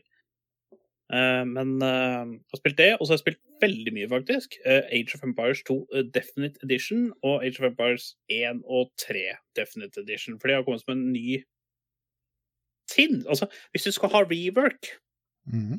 dette er måten å ha rework på. Okay. Dette er dritbra. Du har mange flere frames. Grafikken er oppgradert vanvittig. De har til og med gjort om i HUD-en. Og ikke sant, Age of Empires Unnskyld, Age of Empires 2 og sånn har jo vært eh, Grunnen til at du spiller f.eks. treeren istedenfor toeren, er jo for at du kan kue opp flere ting samtidig og sånne ting. Så Age of Empires 2 så var det veldig slitsomt at hvis du hadde en barracks og du kunne utvikle flere ting, så du liksom, kunne du bare utvikle én ting, og så når det var ferdig, så kunne du stykke i gang neste ting, videre. Eh, nå i toeren, Definite Edition, så har de satt på sånn at du kan utvikle flere ting. Du kan kue opp flere ting samtidig. Du kan gi flere ordre til samme kriger samtidig, osv. Så, videre. så det er Altså, hvis du har original Age of Empires 2 eller Age of Empires 2 HD-versjon, ville jeg faktisk ha oppgradert til Definite Edition, for det er Altså, det er svært pengene. For det første koster det nesten ingenting. For det andre, det er kult, og det er til og med Battle Royale-mode inni der. okay. Altså, det er en fullstendig overhaul av hele spillet. Eh, alt er mer oversiktlig. Eh, fra Tech 3, de har gjort opp litt på Tech 3 også, så de har bøffa litt og nerfa litt på ting. Eh, du kan spille med Xbox Live-accounten din hvis du vil det. Mm. Um, og mappa har blitt mye mer oversiktlig når du skal velge. Sånn som Før når du skulle velge map, så var det bare en liste, du så ingenting. Nå så ser du hvordan layouten på mappa er på forhånd. Eh, det er mye lettere å spille lokalt eller online, eller privat eller public mm. og sånne ting. Så, og det er faktisk veldig populært. Det er veldig Hver gang du søker på et game online, så er det fulle Altså, serverlistene er stappfulle. Det er så mye server ute, eller games ute. Det er eh, Det er vanvittig artig. Ja. Hva, hva, hva er den battle royale-moden? Hvordan får du det til? Nei, det er, eh, det er at du er på et map, og så istedenfor å bygge en base, sånn som du Eller du, du gjør jo det nå, da, på en måte. Eh, men du gjør Ikke sant, vanlig moden er at du starter i laveste age, som er dark age, og så skal liksom utvikle deg osv. Her så gjør du ikke det. Her er det masse ressurser på mappet. Eh, du starter, om jeg ikke tar feil, i, i eh, den øverste alderen. Sånn at du må bare samle ressurser, bygge styrke, og så bare du løs på hverandre. Mm. Det er mye mer fast pace, da. Og så er det det at mappet blir mindre og mindre. OK, OK. Så at det du gjør, er at du har base for å produsere masse kriger og sånn, og så må du bare ditche basen, fordi at eh, sona kommer jo. Å, wow. Ha, har du såpass eh, god med tid at du på en måte kan etablere en ny base litt lenger inn i sirkelen? da? Eh, jeg tror ikke Ja, det kommer sikkert litt an på hvor mange som er og sånt, da. For det er åtte ja. som må være med i starten. Ja, ja. Så det kommer sikkert litt an på hvor mange som er igjen, osv. Uh, jeg har ikke eh, prøvd det veldig mye. Jeg har bare prøvd det litt, for jeg liker den originale versjonen. ja, ja, Eh, ja. og apropos multiplayer og sånt òg, AI-en, når du skal spille mot AI, så har AI-en Du kan spille mot AI fra originale CD-versjonen, eller fra HD-versjonen, eller denne versjonen. Og denne versjonen her, så har, så har faktisk AI-en blitt veldig smart. Okay. Og for å putte det i perspektiv, da, på CD-versjonen så klarte broderen og jeg å vinne over to stykker på den vanskeligste vanskelighetsgraden, helt uten problemer. På HD så sliter Da har vi klart, hvis vi to er på lag, å spille mot én på den vanskeligste. Eh, og på den nye så klarer vi knapt på hard, liksom. Mm, mm. Så AI-en har blitt veldig smart. Før så sendte den liksom bare sånn én og to krigere på deg hele tida. Mens nå så er det sånn at eh, eh, han veit hva han driver med. Både når han skal angripe deg og samle ressurser og sånne ting. Så AI-en har blitt veldig, veldig smart, og det er dritkult. Ja, det er jo litt artig. det er litt- er artig. Eller det, det er bra når de oppdaterer AI-en på, eh, på computeren sånn over tid. Eh, for eh, det er noen spill som gjør AI-en bare helt talentløs og dum som et brød. Og veldig, veldig veldig predictable. Så det er litt kult. Ja, for det var det som var før, og det var liksom så kjedelig. For at det, ble blei på? Og spesielt før, da, når du på en måte spilte mot Altså, da satt du LAN, du spilte ikke online engang. Mm. For du hadde CD-versjonen. Og da var det liksom sånn at eh, du blei jo ganske lei av å sitte og spille mot samme person hele tida. Så da blei det sånn OK, vi timer opp, og så spiller vi eh, Så spiller vi eh, mot CPU-en, men problemet var det at det, var, det blei jo for lett, det òg. Ja, ja. Du, du Så- må ha noe, noe utfordring der. Ja, nå Eh. er, nå er AI-en veldig, veldig bra. Eh, pluss at mappa har fått en liten overhold så de er også veldig, veldig bra. Eh, og så er det jo litt kult at du kan samarbeide litt med teambonus og, og sånne ting. Hva er lurt å sette sammen her på det mappet her? Eh, og spiller online og spiller ranked, så er det sånn, da er det online tournament-greier. At hvis du f.eks. spiller best av, av tre, så kan du kun bruke én sivilisasjon én gang. Mm. Og da må du på de to neste mappa, så må du bytte sivilisasjon og sånn, så det er kult. Mm.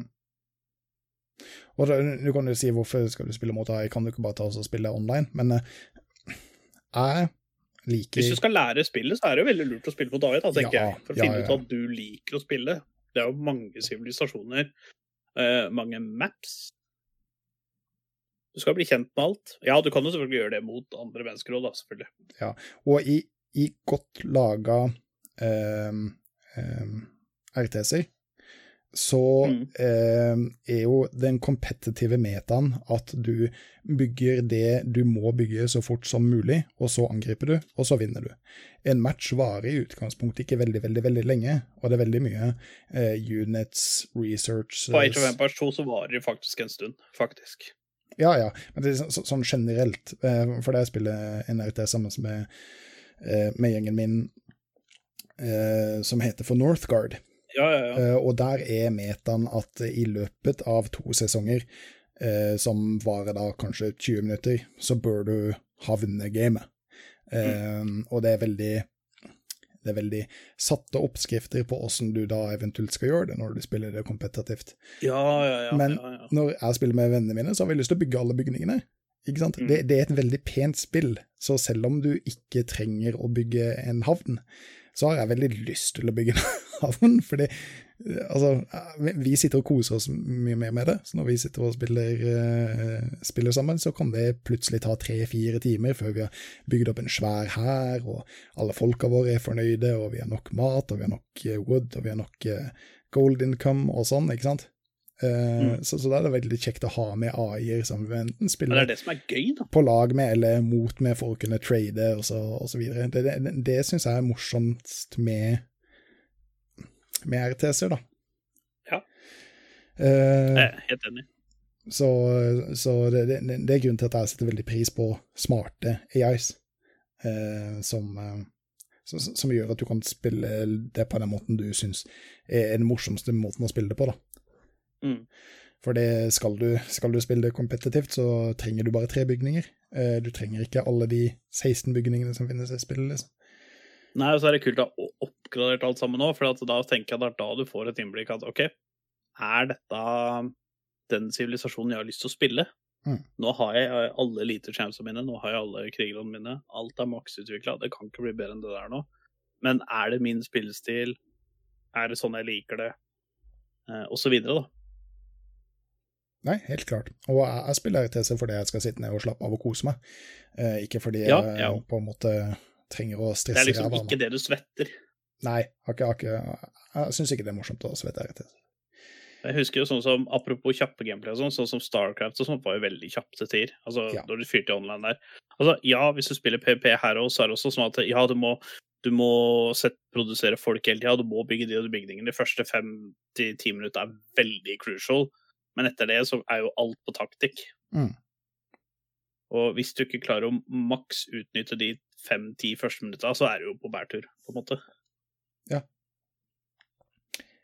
Helt klart. Eh, Men nå, har vi jo godt uh, snakka en del om det, og vi har jo spilt veldig, veldig, veldig veldig mye league. Eh, og Det har vi. eh, spesielt kanskje nå i den perioden som eh, heter for eh, preseason, eh, hvor sesong ti er ferdig, og det kommer eh, nye heroes, det kommer nye patcher, det kommer en eh, del eh, ikke nye mekanikker, men f.eks. itemser som du kjøper i gamet, blir jo, har jo fått en total rework osv. osv.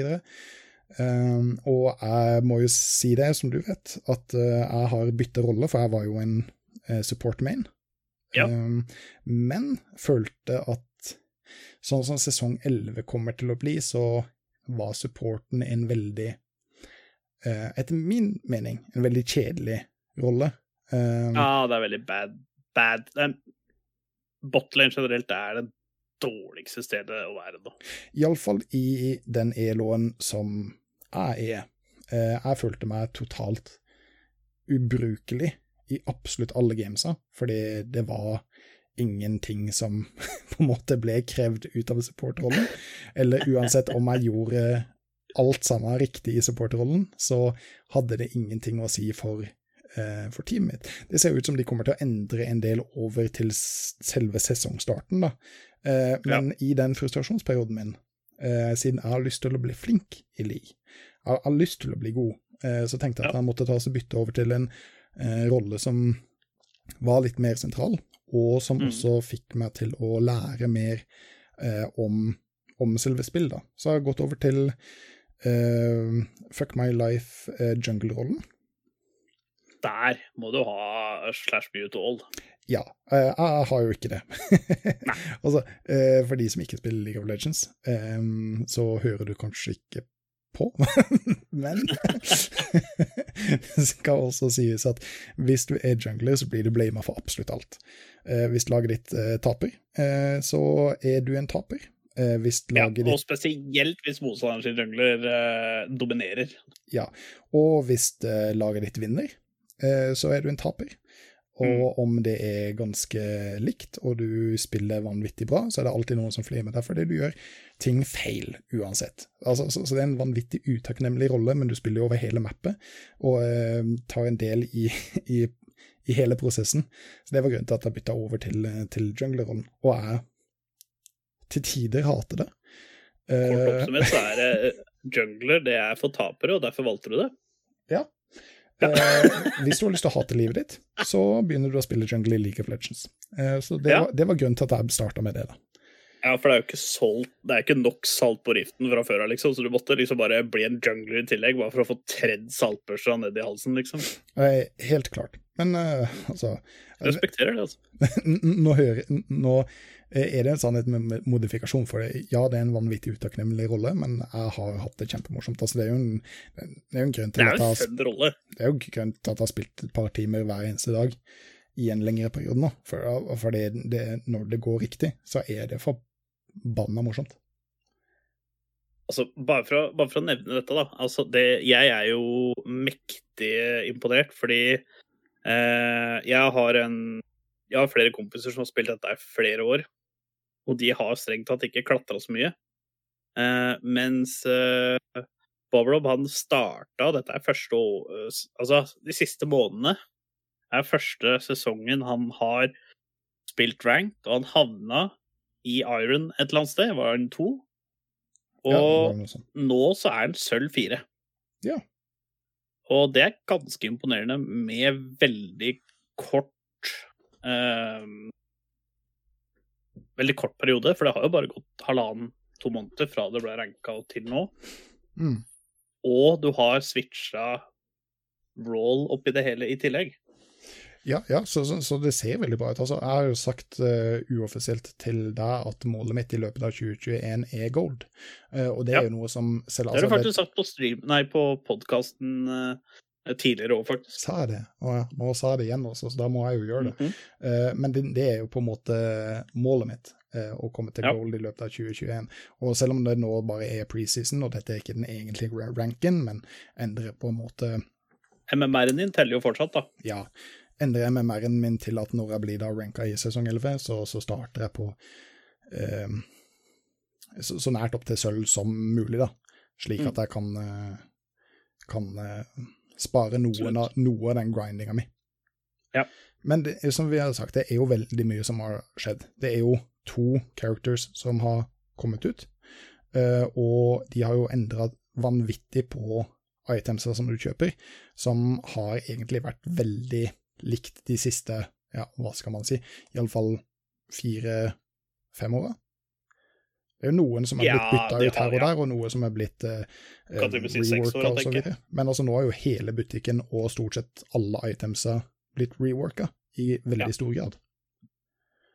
Og det har jo Det har ført til en del interessante situasjoner og en del hot uh, fix-nerfinger og buffer osv. osv. Ja, fytti rakkeren. Men jeg har jo veldig troa på det. Eh, veldig mange av de nye Å itemsa. ja, jeg elsker systemet du har satt opp nå. Altså, Ja. jeg, jeg digger det. Mm. Eh, når en får fintuna om det, er, om det er itemsa som har fintunet så veldig mye akkurat nå, eller om det er champsa, det er jeg litt usikker på. Men eh, jeg tipper egentlig kanskje at det er itemsa, fordi eh, altså litt det samme problemet i år som det det var i fjor. Det er altfor mye damage i League of Legends akkurat nå. Ja, ja, altså, alle sammen er en assassin. Alle sammen er en assassin, og hvis du trør én pikselfeil, så blir du one-shot av en eller annen tulling som gjemmer seg i en busk. Eh, men eh, bare de som ikke har fått det med seg eh, Det nye systemet er nå at du spiller én champion, altså én type champion, om det er tank, assassin, bruiser, mage, eh, marksman. Eh, spiller du en av de, så kan du velge eh, mellom tre til fire mythic items per rolle.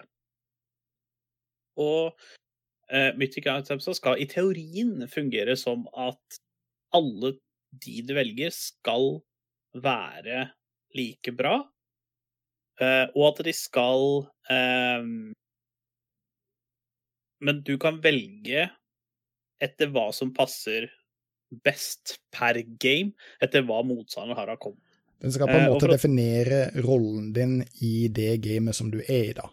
Om, Ja. om du trenger mer damage, om du trenger mer healing, om du trenger mer eh, tankiness osv. osv.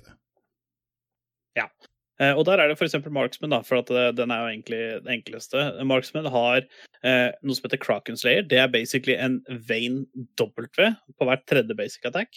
Det vil si at du har true damage på hvert tredje basic attack. Eh, og så har du én som er litt sånn som Bloodthirster, kan du si. At du får et sånt shield når du er under 30% Det er en blanding av Bloodthirster og Hexdrinker, som gir deg et slags shield og lifestyle.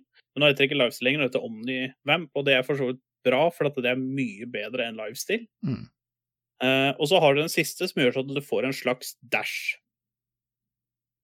Ja. Uh, så at eh, for eksempel sånn som Jinx eller Gin og sånne ting kan få en ekstra dash, da. Ja. Hvis det trengs. Og så har du da. Men eh, sånn som det er satt opp nå, så er det satt opp det at eh, du bygger et mythic item. Det er et item du prøver å rushe så tidlig som mulig, fordi det er det beste itemet ditt. Og Og ikke bare at det er det beste itemet ditt, men du har hvert mythic item har en følgestats. Så vil si at for hvert legendary item du bygger, som er da tieren under mythic, så får mythic itemet ditt ekstra stats. Enten armor penetration eller movement speed eller cooldown reduction eller Ja, eller ability haste, som det heter nå. som det heter. Eller uh, pen, ja, som du sa, penetration av en eller annen slag, eller mer lifestyle, eller ability haste, eller hva det skal være for noe. Så det er veldig lurt å bygge den tidlig, og spillet har blitt, har blitt veldig flink til å sette opp eh, anbefalinger til deg, hva som er lurt dette gamet. Mm. Så det liker jeg. Og så liker jeg veldig retninga ligaen har tatt nå. Jeg, da jeg så dette første gang, tenkte jeg Here we go again. Nå er det noen som er på tur. Mm. Men uh, veldig positivt overraska, og jeg digger det. Mm. Eneste jeg ikke digger, er på grunn av de itemsa er så sterke, så Tanks var jo gigabroken en periode. Det har blitt hotfixa og nerfa gang på gang nå, så nå er det litt mer balansert. Eh, Men Assassins, spesielt AD Assassins, er etter min mening noe altfor sterkt. Fordi en AD Assassins jobb det er å utslette ett target. Og da skal han liksom på en måte bruke hele rotationen sin, altså ult, QVR.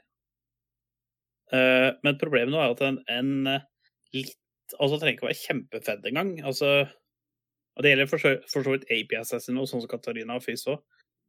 Men sånn som Zed, for eksempel, han kan bare QVE der, så er du død. Mm. Hvis du er et squishy target. Mm. Og da mener jeg at da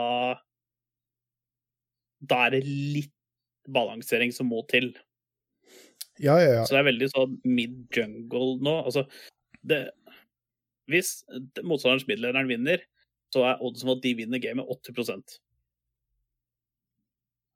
Og det, det er det eneste som er kanskje litt sånn kjipt akkurat nå, men det er preseason, det er for å teste og det er for å limit-teste. Men nå er det jo bare noen dager igjen før neste sesong begynner. Det er 8. januar. Mm. Så, og de kommer jo, de kom jo ut med en patch nå før det, da. De kommer jo med 11.1. Og det er vi hype for. Det er vi hype for. Ja, ja, ja absolutt. Og, og det, det som har vært så morsomt med å spille gjennom eh, eller spille veldig aktivt gjennom preseason nå, eh, det at det har vært så mange forskjellige meter bare innenfor denne korte perioden, mens de prøver, ja, mens de prøver det er liksom fra tank-meta til assassin-meta samtidig. Ja, og, altså, og nå skal jo Det har aldri vært en meta samtidig. Nå skal jo marksmennene buffes igjen, og jeg er garantert at det kommer til å bli overbuffa. Ikke sant? Uh, så uh, Ja, de har jo prøvd å bøffe det to ganger på rad, nå, men det, det, altså, support og alt, så jeg er fortsatt altså, altså, jeg aner ikke hvor mange ganger vi har hatt sånn 68 000 gull ledelse, og vi har fortsatt tapt så etter Mm. Og det er fordi at pga. nye items og sånn, så er det et par champs som scaler veldig bra i late game osv. Men det er for at jeg spiller på botlane, eh, og vi leder, og dette har jeg bekrefta for at jeg har sett på replays og sånne ting, at vi liksom leder med 3000-4000 gull, Botlaneren. Men det har ingenting å si, for at så lenge de har en midlaner som kan bare one-shotte AD-carrien min, så Eller one-shotte meg, så, så har det ingenting å si. Ja. Og spesielt hvis det ikke er noe counterplatere, hvis det er point and click-myrd, mm. så har det, det, det er ikke noen counterplatere. Nei. Annet enn at ja, skal du prøve å splittpushe, da? liksom. Men da er liksom gullet ditt på helt feil postadresse, ikke sant? Så det Så det er ikke bare bare. Nei. Det har iallfall vært veldig veldig, veldig spennende for min del, for dette er den første preseason som jeg på en måte har spilt aktivt. Dette er den første perioden Mm. som jeg egentlig har spilt aktivt. Og jeg syns det har vært kjempemorsomt gjennom uh, preseason nå, og jeg gleder meg veldig veldig til sesongen starter. Um, og, Og jeg er så hypa, jeg. Ja, det Fy faen, du og jeg kommer til å grinde noe helt jækla, liksom. Jeg er redd for det. Kona kommer til å gå for det. vi må jo ha påskeland i år, vi. Ja, Neste det- år. Ja, det kan, eh, det kan jo fort fikses, det. Så eh, det var LOL-nyhetene eh, for i dag. Ah, ah, ah, ah, ah, Det er ikke det? ah. Nei, det er det jo selvfølgelig ikke. ah, tullegutt. Vi har jo, det har jo kommet noe Om ikke vi spiller nok League of Legends på PC-en, så kan vi jaggu gjøre det når vi er på tur òg nå. Ja. Fordi nå har jo League of Legends Wild Rift blitt lansert til mobil, eh, tablets og iPader. Mm. Og vi begge har jo spilt dette, naturlig nok. Ja. Og ja, førsteinntrykket ditt, uh, uh, Bovro, hva, hva, hva, hva syns du? Uh, Førsteinntrykket mitt til Wild Rift, uh, som jeg har gledet meg til masse, fordi jeg har vært så hypa på League of Legends uh, yeah, den siste yeah. tida, er at det er et Det er en veldig god Hva er det det heter Um, uh, Når du ikke får det sånn som jeg, du vil, og jeg ikke får det sånn som jeg vil, så heter det Men vi blir enige om at vi på en måte gjør noe i midten. Hva er det det heter? Og så er det helt Ja. Haram? Aram? Nei. nei. Nei. Uh, Run it down? Nei, nei, nei vi, vi, hvis jeg og du er gift, og, og, og, så, og så skal vi ut på en tur, men så gjør vi det ikke helt sånn som du vil, og så gjør det vi ikke helt sånn Kompromiss! Ja, kompromiss, ja. Kompromis. Kompromiss. Jeg tenkte så inn til vinneren. nei, nei. Eh, Kompromiss. Det er et veldig bra kompromiss for å få League of Legends på telefon. Eh, For Ja. en gang jeg tok det opp, så var jeg litt sånn skuffa på at hvorfor tok de ikke bare rett og slett League of Legends fra PC og overførte det til en mobil? For i Mm. huet mitt først, så var det eh, Greia, på en måte. Ja, det, og det var den mest logiske måten å gjøre det på også, fordi League Ja. of Legends er jo ikke et vanvittig stort spill, og det er ikke van veldig vanskelig å kjøre det. Jeg kan kjøre det på 300 FPS på PC-en min, og Mm. mobilen min er såpass kraftig at den burde klart å kjøre en nedskalert versjon eh, i 60 eller 90 FPS som de tillater på telefon. Nei, Ja. 30 eller 60, beklager. Eh, og det ville telefonen min helt fint klart å kjøre, men når jeg sitter og spiller eh, Wild West, så skjønner jeg hvorfor de har gjort noen av disse endringene. For det er en del mekanikk som må inn i League of Legends. Og for å få det uh, til å komme frem på telefon, uh, sånn at det ikke skal føles eh, clunky og ah, treigt å spille, så skjønner jeg hvorfor de har gjort noen av disse endringene. Ja. Eh, men det betyr at du må ha en liten periode fra du spiller det første spillet ditt, til på en måte du eh, forstår alle disse mekanikkene, eh, og forstår Mm. hvorfor disse endringene er blitt gjort ehm, over på mobil. En annen ting er at jeg hater glasset på telefonen min nå. For det, det er en sånn på en måte plastikkskjold som jeg har over, for å ikke knuse til skjermen, men den må byttes ut, altså. For den er akkurat litt for treg, den er nesten litt sånn sticky, så jeg måtte altså bytte over til noe glass, sånn at eh, det, det blir litt, eh, litt glattere. Så jeg, jeg, jeg liker ikke å spille det på telefonen min nå, men det er pga. den screen protectoren som jeg har på. Ja. Um, det som jeg er litt skuffa over, er at ikke alle champsa er ute. Jeg lurer på om det var bare 44 champs eller noe sånt, var det ikke det du Ja, og over? øh, 49. 49 champs som er ute. nå har jo, nå har jo hvis du klarer Ja, altså egentlig så er, var det jo Vent, da. Det er 48, men egentlig så var det 50 til lansering. Men det var for at to Darius og Draven var et event for å unlocke. Mm. Nå er det jo samme med Wukong. Ok. Ingen av de champsa bryr jeg meg no, noen ting om. Men altså, det, er jo en del champs eh, som alle sammen vil kjenne seg igjen i, som de en eller annen gang har spilt, så alle sammen kan eh, spille det. Jeg syns fortsatt det er litt sånn normal blind eh, pick-aktig, så hvis du på en måte er en support eller jungle main og er veldig komfortabel med de rollene, og du plukker på Roller Rift, så må du nesten regne med at du blir satt i en eller annen rolle som du ikke er 100% komfortabel med. Men Det er dog de første ti levela. OK, det er bare ditt første ti leveler. Ja, for når du kommer, når du kommer på level 10, så kan du spille ranked, og da er det litt mer sånn Ok, så nå Altså, det er ikke role selection, det er det ikke. Men det er ikke uh, Det er er det Det er ikke pick and ban, men det er en pickface som fungerer som pick og ban. Bare at du, du banner ikke. Det er at eh, blå side velger én champion, så velger rød side to, og så velger du to, og så velger de to, og så velger du to. Nei. Og så velger red side den siste. mm. Men du, du kan mene en rolle. Ja, det er veldig Altså, det er litt sånn som league var før, at jo høyere opp du er, jo høyere prioritet har du, på en måte. Uh, men ja, altså, det er veldig uh, Sånn som du som mener jungle support, du får rollen din hver gang. 100 Mm, okay. Um, så som dere skjønner, så er jeg ikke level 10 ennå. Wild Men det er fordi jeg må bytte ut den screen protectoren. Fordi det, er- når, når ting begynner å bli litt intenst, så blir man gjerne kanskje litt sånn fuktig på fingrene. Og på det har ikke flytta fingeren på skjermen i det hele Nei, tatt. det, liksom. nei, den blir nesten litt sånn, sånn, sånn hakkete. Det føles ikke riktig.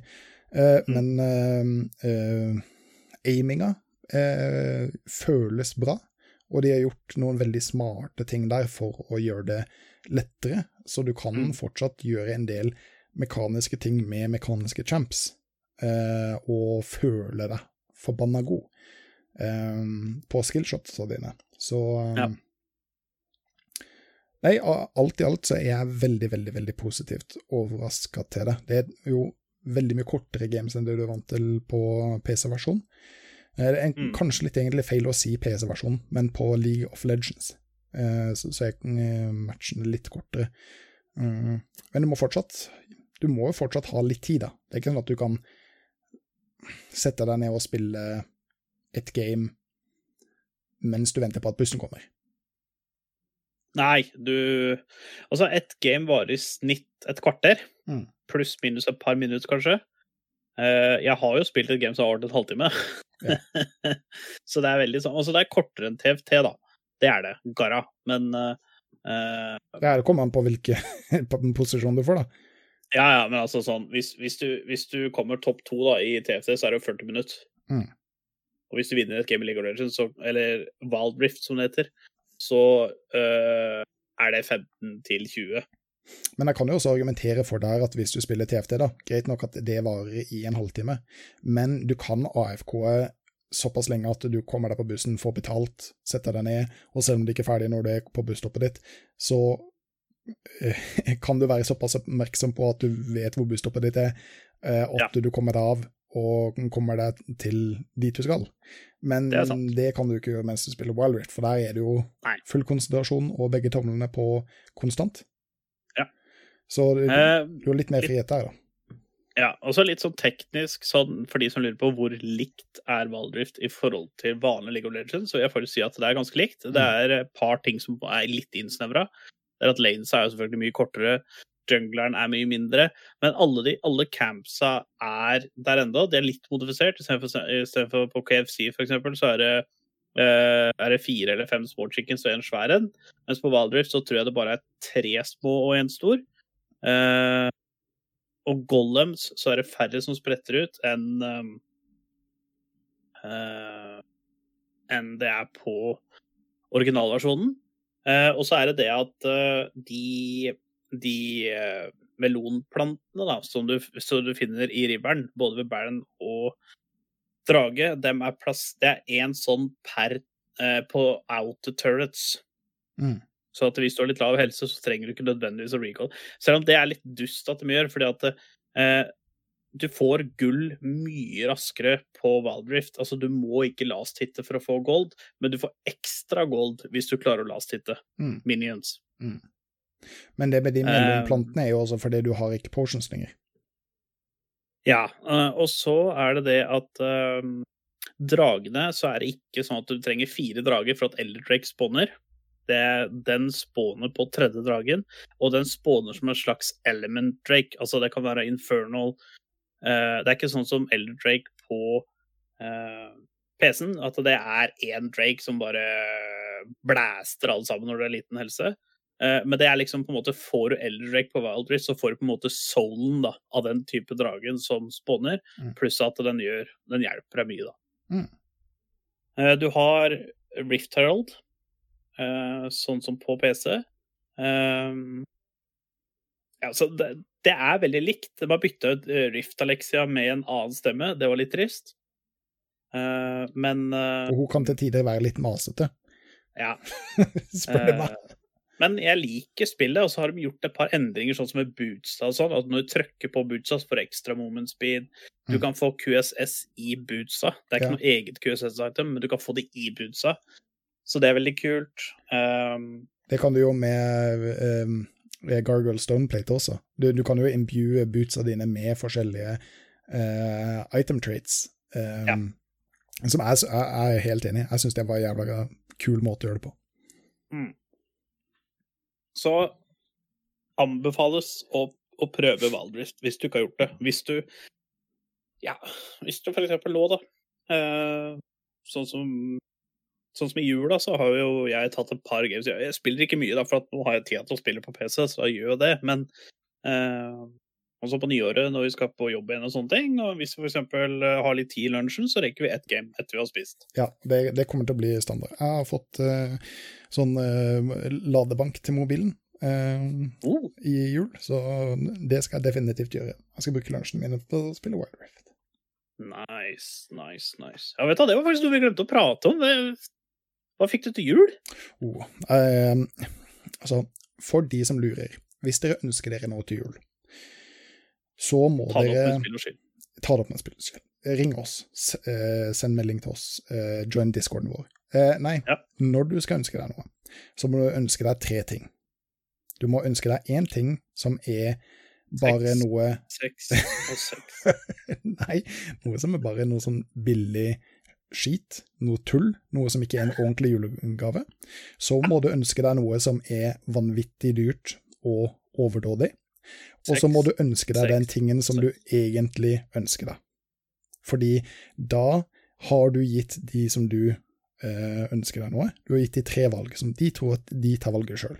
Men den billige tullegaven, det er noe som de ikke har lyst til å gi bort, fordi det er bare Altså sånn som sokker. Du kan si 'jeg ønsker meg sokker', men det er ikke en full julegave.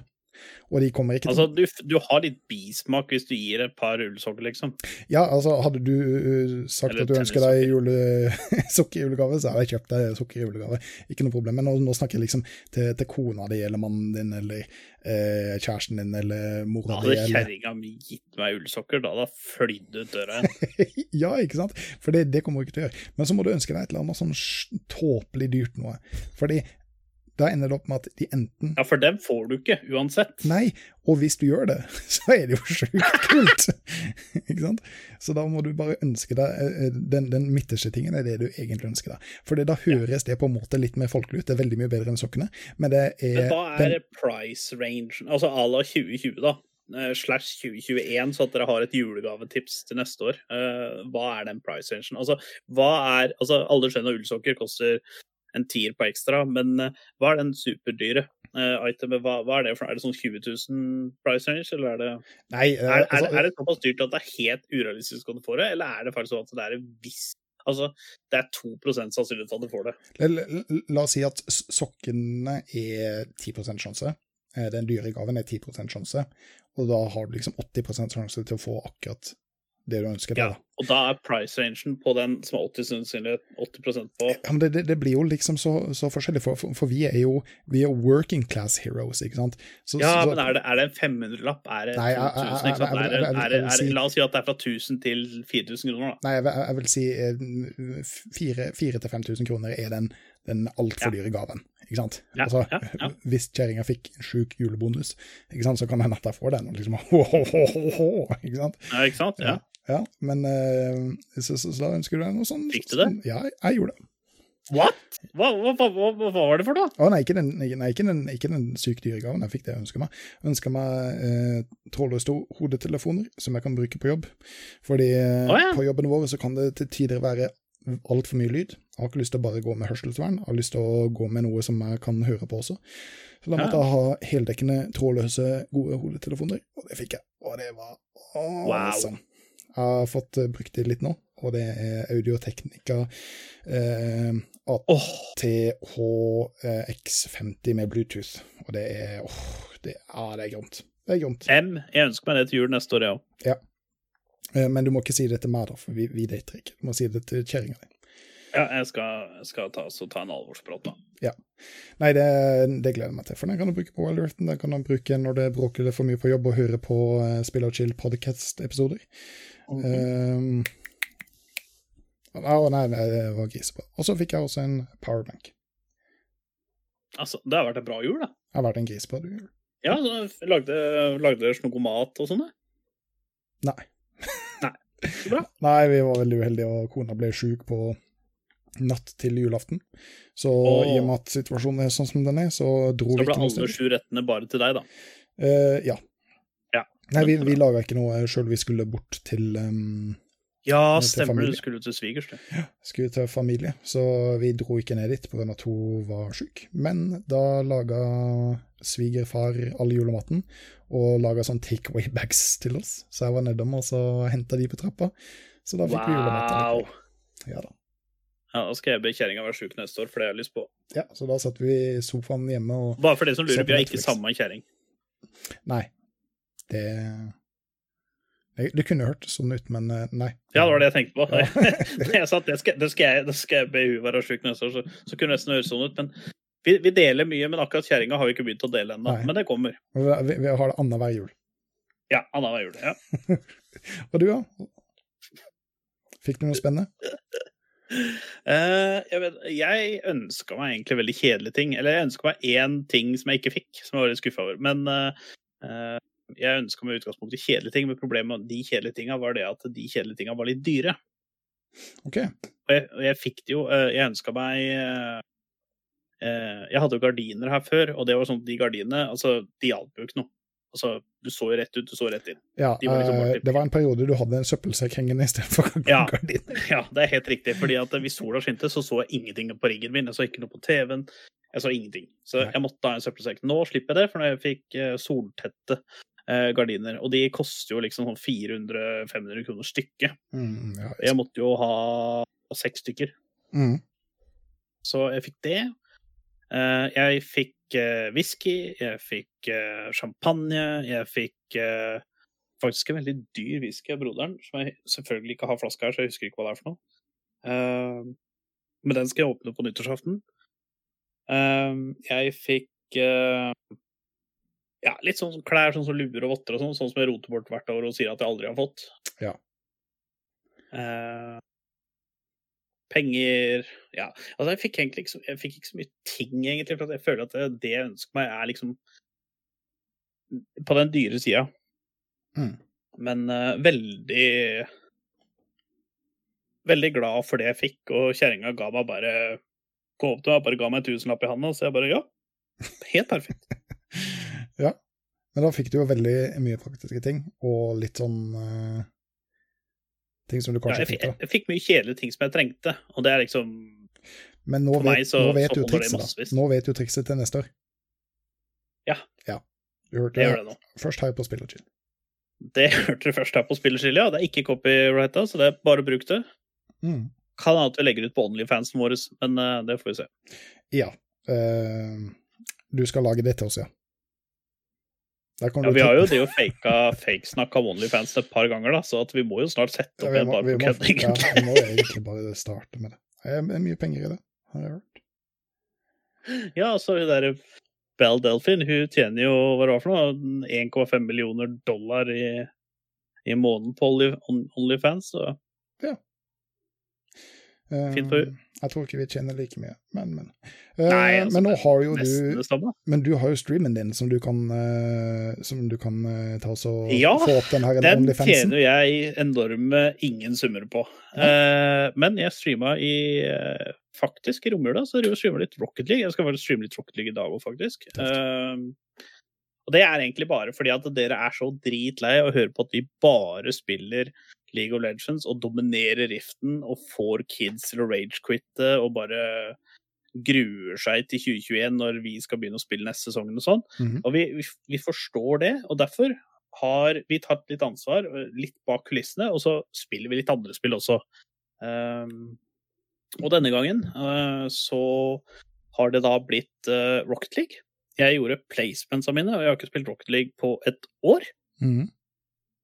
Og ja, altså Åssen gikk det, da? Å komme inn i en kompetitiv altså, type game som altså overraskende bra. Jeg, si. altså, jeg, jeg, altså, jeg spilte ræv. Altså, jeg har jo aldri spilt bra, men jeg har liksom spilt det jeg, uh, det jeg har vært fornøyd med. fordi at eh, jeg er jo 30 år og 28 måneder, så det er jo begrensa hvor bra jeg kan spille i den alderen her. Men uh, jeg fikk gold 3 både i duos og trios. OK. Så jeg spilte 20 games på stream, og um, tusen takk forresten. Jeg fikk, fikk en del followers og, og sånne ting, og folk var med i chatten. Til man ene joina oss, og det var jo veldig gøy. Kult. Eh, og det kan dere gjøre hvis dere er joiner discorden vår, eller følger oss på Gunly Tweets eller at Bobroad Tweets på Twitter. Så kan dere være med og spille når vi driver og spiller sånne ting. Ja. Kanskje dere også blir vist med på stream. Um, så det, det var veldig gøy. Streama i ja, det var vel i fire-fem timer i går, og uh, havna i gold, og det er gold 3. Og sånn som i league så er gold 3 det er ganske langt nede, men i Rocket League så er gold 3 det høyeste du kan være før du kommer i plat. Mm. Så Så vi ikke har gjort det på et år. Jeg syns jeg spilte bra. Jeg har en kompis, han spiller dette ikke hver dag, men sånn annenhver dag. Og jeg holdt greit følge med han, og han er platt, så Ja, men det er jo det var Om han var fornøyd med det, det veit jeg ikke, men uh, vi hadde det gøy, da. Vi hadde det veldig gøy. Ja, det er bra.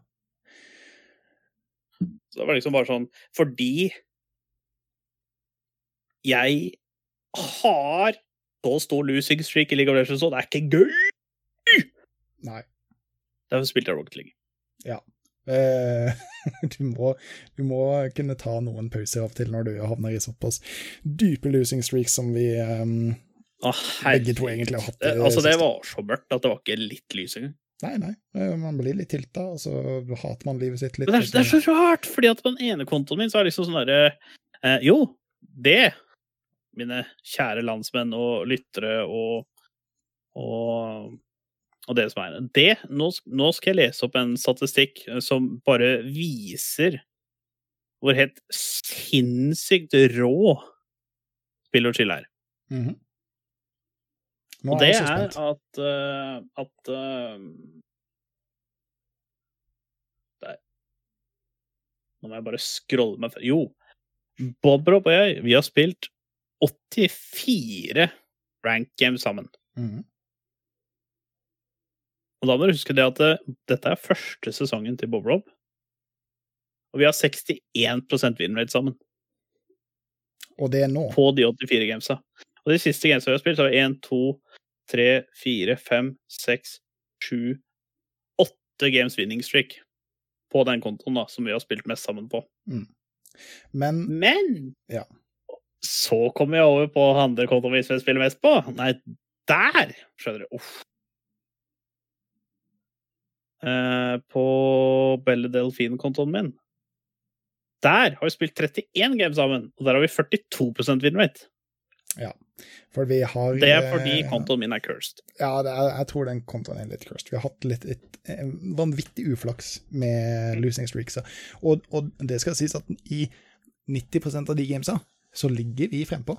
Vi ligger frempå. Vi vinner Ja, gamesa. vi, Vi vi leder og taper ledelsen på at, på at vi er så filleren. Ja, så det er bare RNG som hater oss, rett og slett. RNG hater oss. Derfor trenger vi dere til å lytte på podkasten og følge oss på det- Discord og Twitter. Og twitch.tv slash gunly eh, og twitch.tv slash bobrob for å få litt støtte. Ja. Litt trøst. Eh, absolutt. Gjerne trykk follow. Takk for meg. oh, gjør gjerne det. Vi har jo egentlig allerede renta en del. Uh, Ja, vi trenger ikke å rante. Vet du. Jeg blir bare negativ. Jeg blir bare grinete hvis jeg skal begynne å rante om uh, Cyberpunk nå. Da blir jeg bare trist. Ja, det Eh, dere som liker buggete spill, kjøp det. Eh, Nyt det. Kos dere vanvittig mye. Ja. Eh, men nå er vi jo endelig tilbake, uh, Gunnli. Eh, Ja. og Er, vi, er vi det på ordentlig denne gangen, eller Ja. er, vi, er det bare noe vi sier for å gi falske håp igjen og få haugevis med Twitter-innbokser på 'Når kommer neste episode?' bare for å, eh, bare for å, cocktise Nei, eh, det skal vi absolutt ikke. Eh, nå har det vært eh, veldig lenge. Eh, vi er endelig tilbake, og da er vi tilbake. Eh, Ja. Denne episoden har vi avtalt at skal eh, komme 1.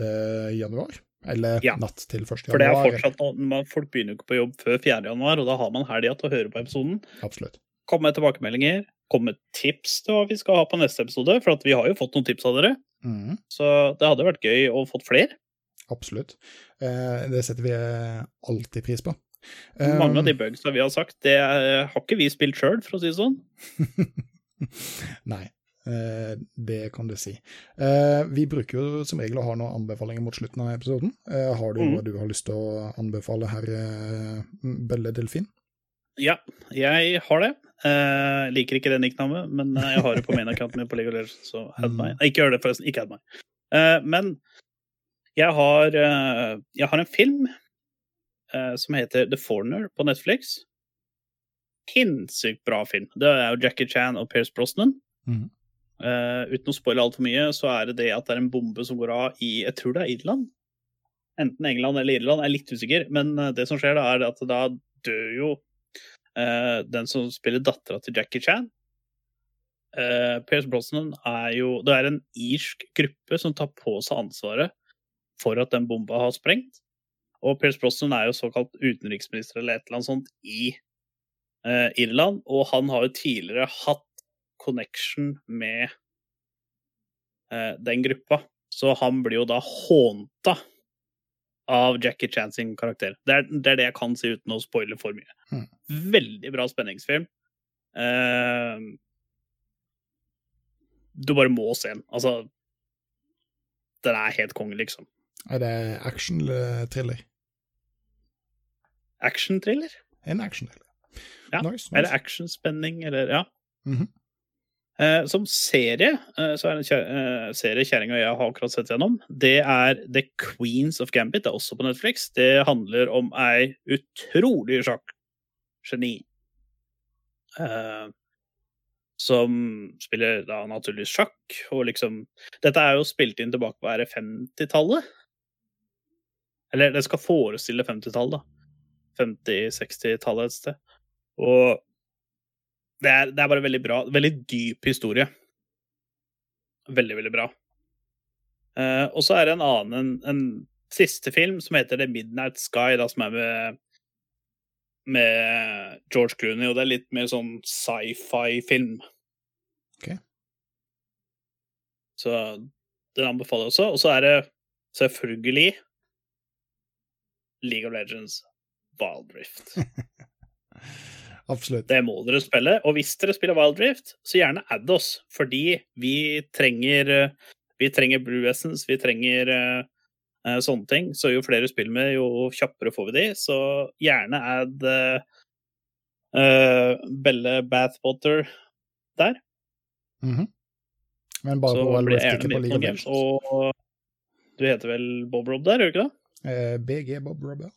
Ja, BG Bob Rob bare. For Bad Gamer Bob Robb. Ja. Uh, Battleground Gamer. eh, Big Genitalia Bob Robb. Um, Hva enn du på en måte klarer å, å legge i det. Um, Jeg har lyst til Banangutt Bob Rob. ja.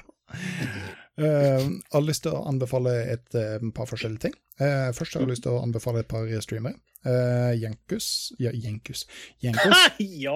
uh, Jenkos som eh, G2 Jankos. som er jungleren til eh, G2. Eh, han er vanvittig morsom, og en av ja Iallfall en av de beste junglerne i Europa. Er så funny! Ja, og så er forbanna morsom. Det andre er um, eh, Foxtrop, eh, som også er en jungler. Også en vanvittig koselig, morsom, dyktig jungler. Eh, jeg har også lyst til å anbefale folk å prøve um, den godeste Spellbreak. Det er free to play. eh, og det er på Steam, så dere slipper å laste ned Epic Launcher. Så mm. jeg vil absolutt anbefale å teste det. Om du laster ned, spiller fire games, syns at det, det, det er dritt, så at me. Eh, men det er, det er verdt å teste ut. Spesielt hvis dere Ja. har en kompis eh, som dere kan spille duo med, så garanterer at det er et par timer med, med kjempemorsomt, som, selv om dere ikke kommer til å kanskje begynne å grinde det kompetitivt. Uh, og det er vel egentlig det fra, fra min side. Ja, nei, men det hørtes ut som veldig innafor, det. Mm. Eh, Det er ikke så mye å grine av, det. Og ellers vil jeg anbefale alle, sammen å ha en bra nyttår, som dere sannsynligvis allerede har hatt når denne episoden kommer ut, men å ha et godt nytt år. Det er på sin plass. Og ikke bare det, men ha en veldig god nyttårsfeiring når du faktisk hører på denne episoden her. Mm. Uh, gi oss uh, gjerne follow på på Twitter. Uh, det er der vi får Eller merkelig, jeg syns det er litt rart. Det er der vi faktisk får mest tips inn. Det er på Twitter og ikke på Discord. Det, jeg, jeg skjønner ikke helt den. Men uh, gjerne join oss på Discord. Vi har mye morsomt der. Vi har uh, flere spillkanaler. Vi har masse dank memes for NVR Gamer. Uh, vi har Musicbot. Vi, har, vi legger ut updates når det er updates. Vi har en egen videokanal hvor du kan poste dine highlights. eh, eller hvor du poster våre highlights. eller uh, sånne ting. Der kan du også legge inn vi, jeg, jeg tenker kanskje jeg skal lage en kanal som heter uh, Tips, rett og slett. Så alle kan skrive hvis de har noen tips til uh, hva vi bør covre Mm. på podkasten. Mm. Så kan man skrive der. Linken kommer uh, Bob Rob, siden han er den harde mannen som må redigere og gjøre dette underverket. Så han legger ut det i beskrivelsen på videoen på Spyfi og på uh, Podbean. Det skal gjøres. Og hvis det ikke var noe mer, da, så får vi bare takke for oss, og eh, så ses vi fort igjen. Velkommen til 2021! Ja da. You're good, kid. But as long as I'm around, you're second best. You might as well learn to live with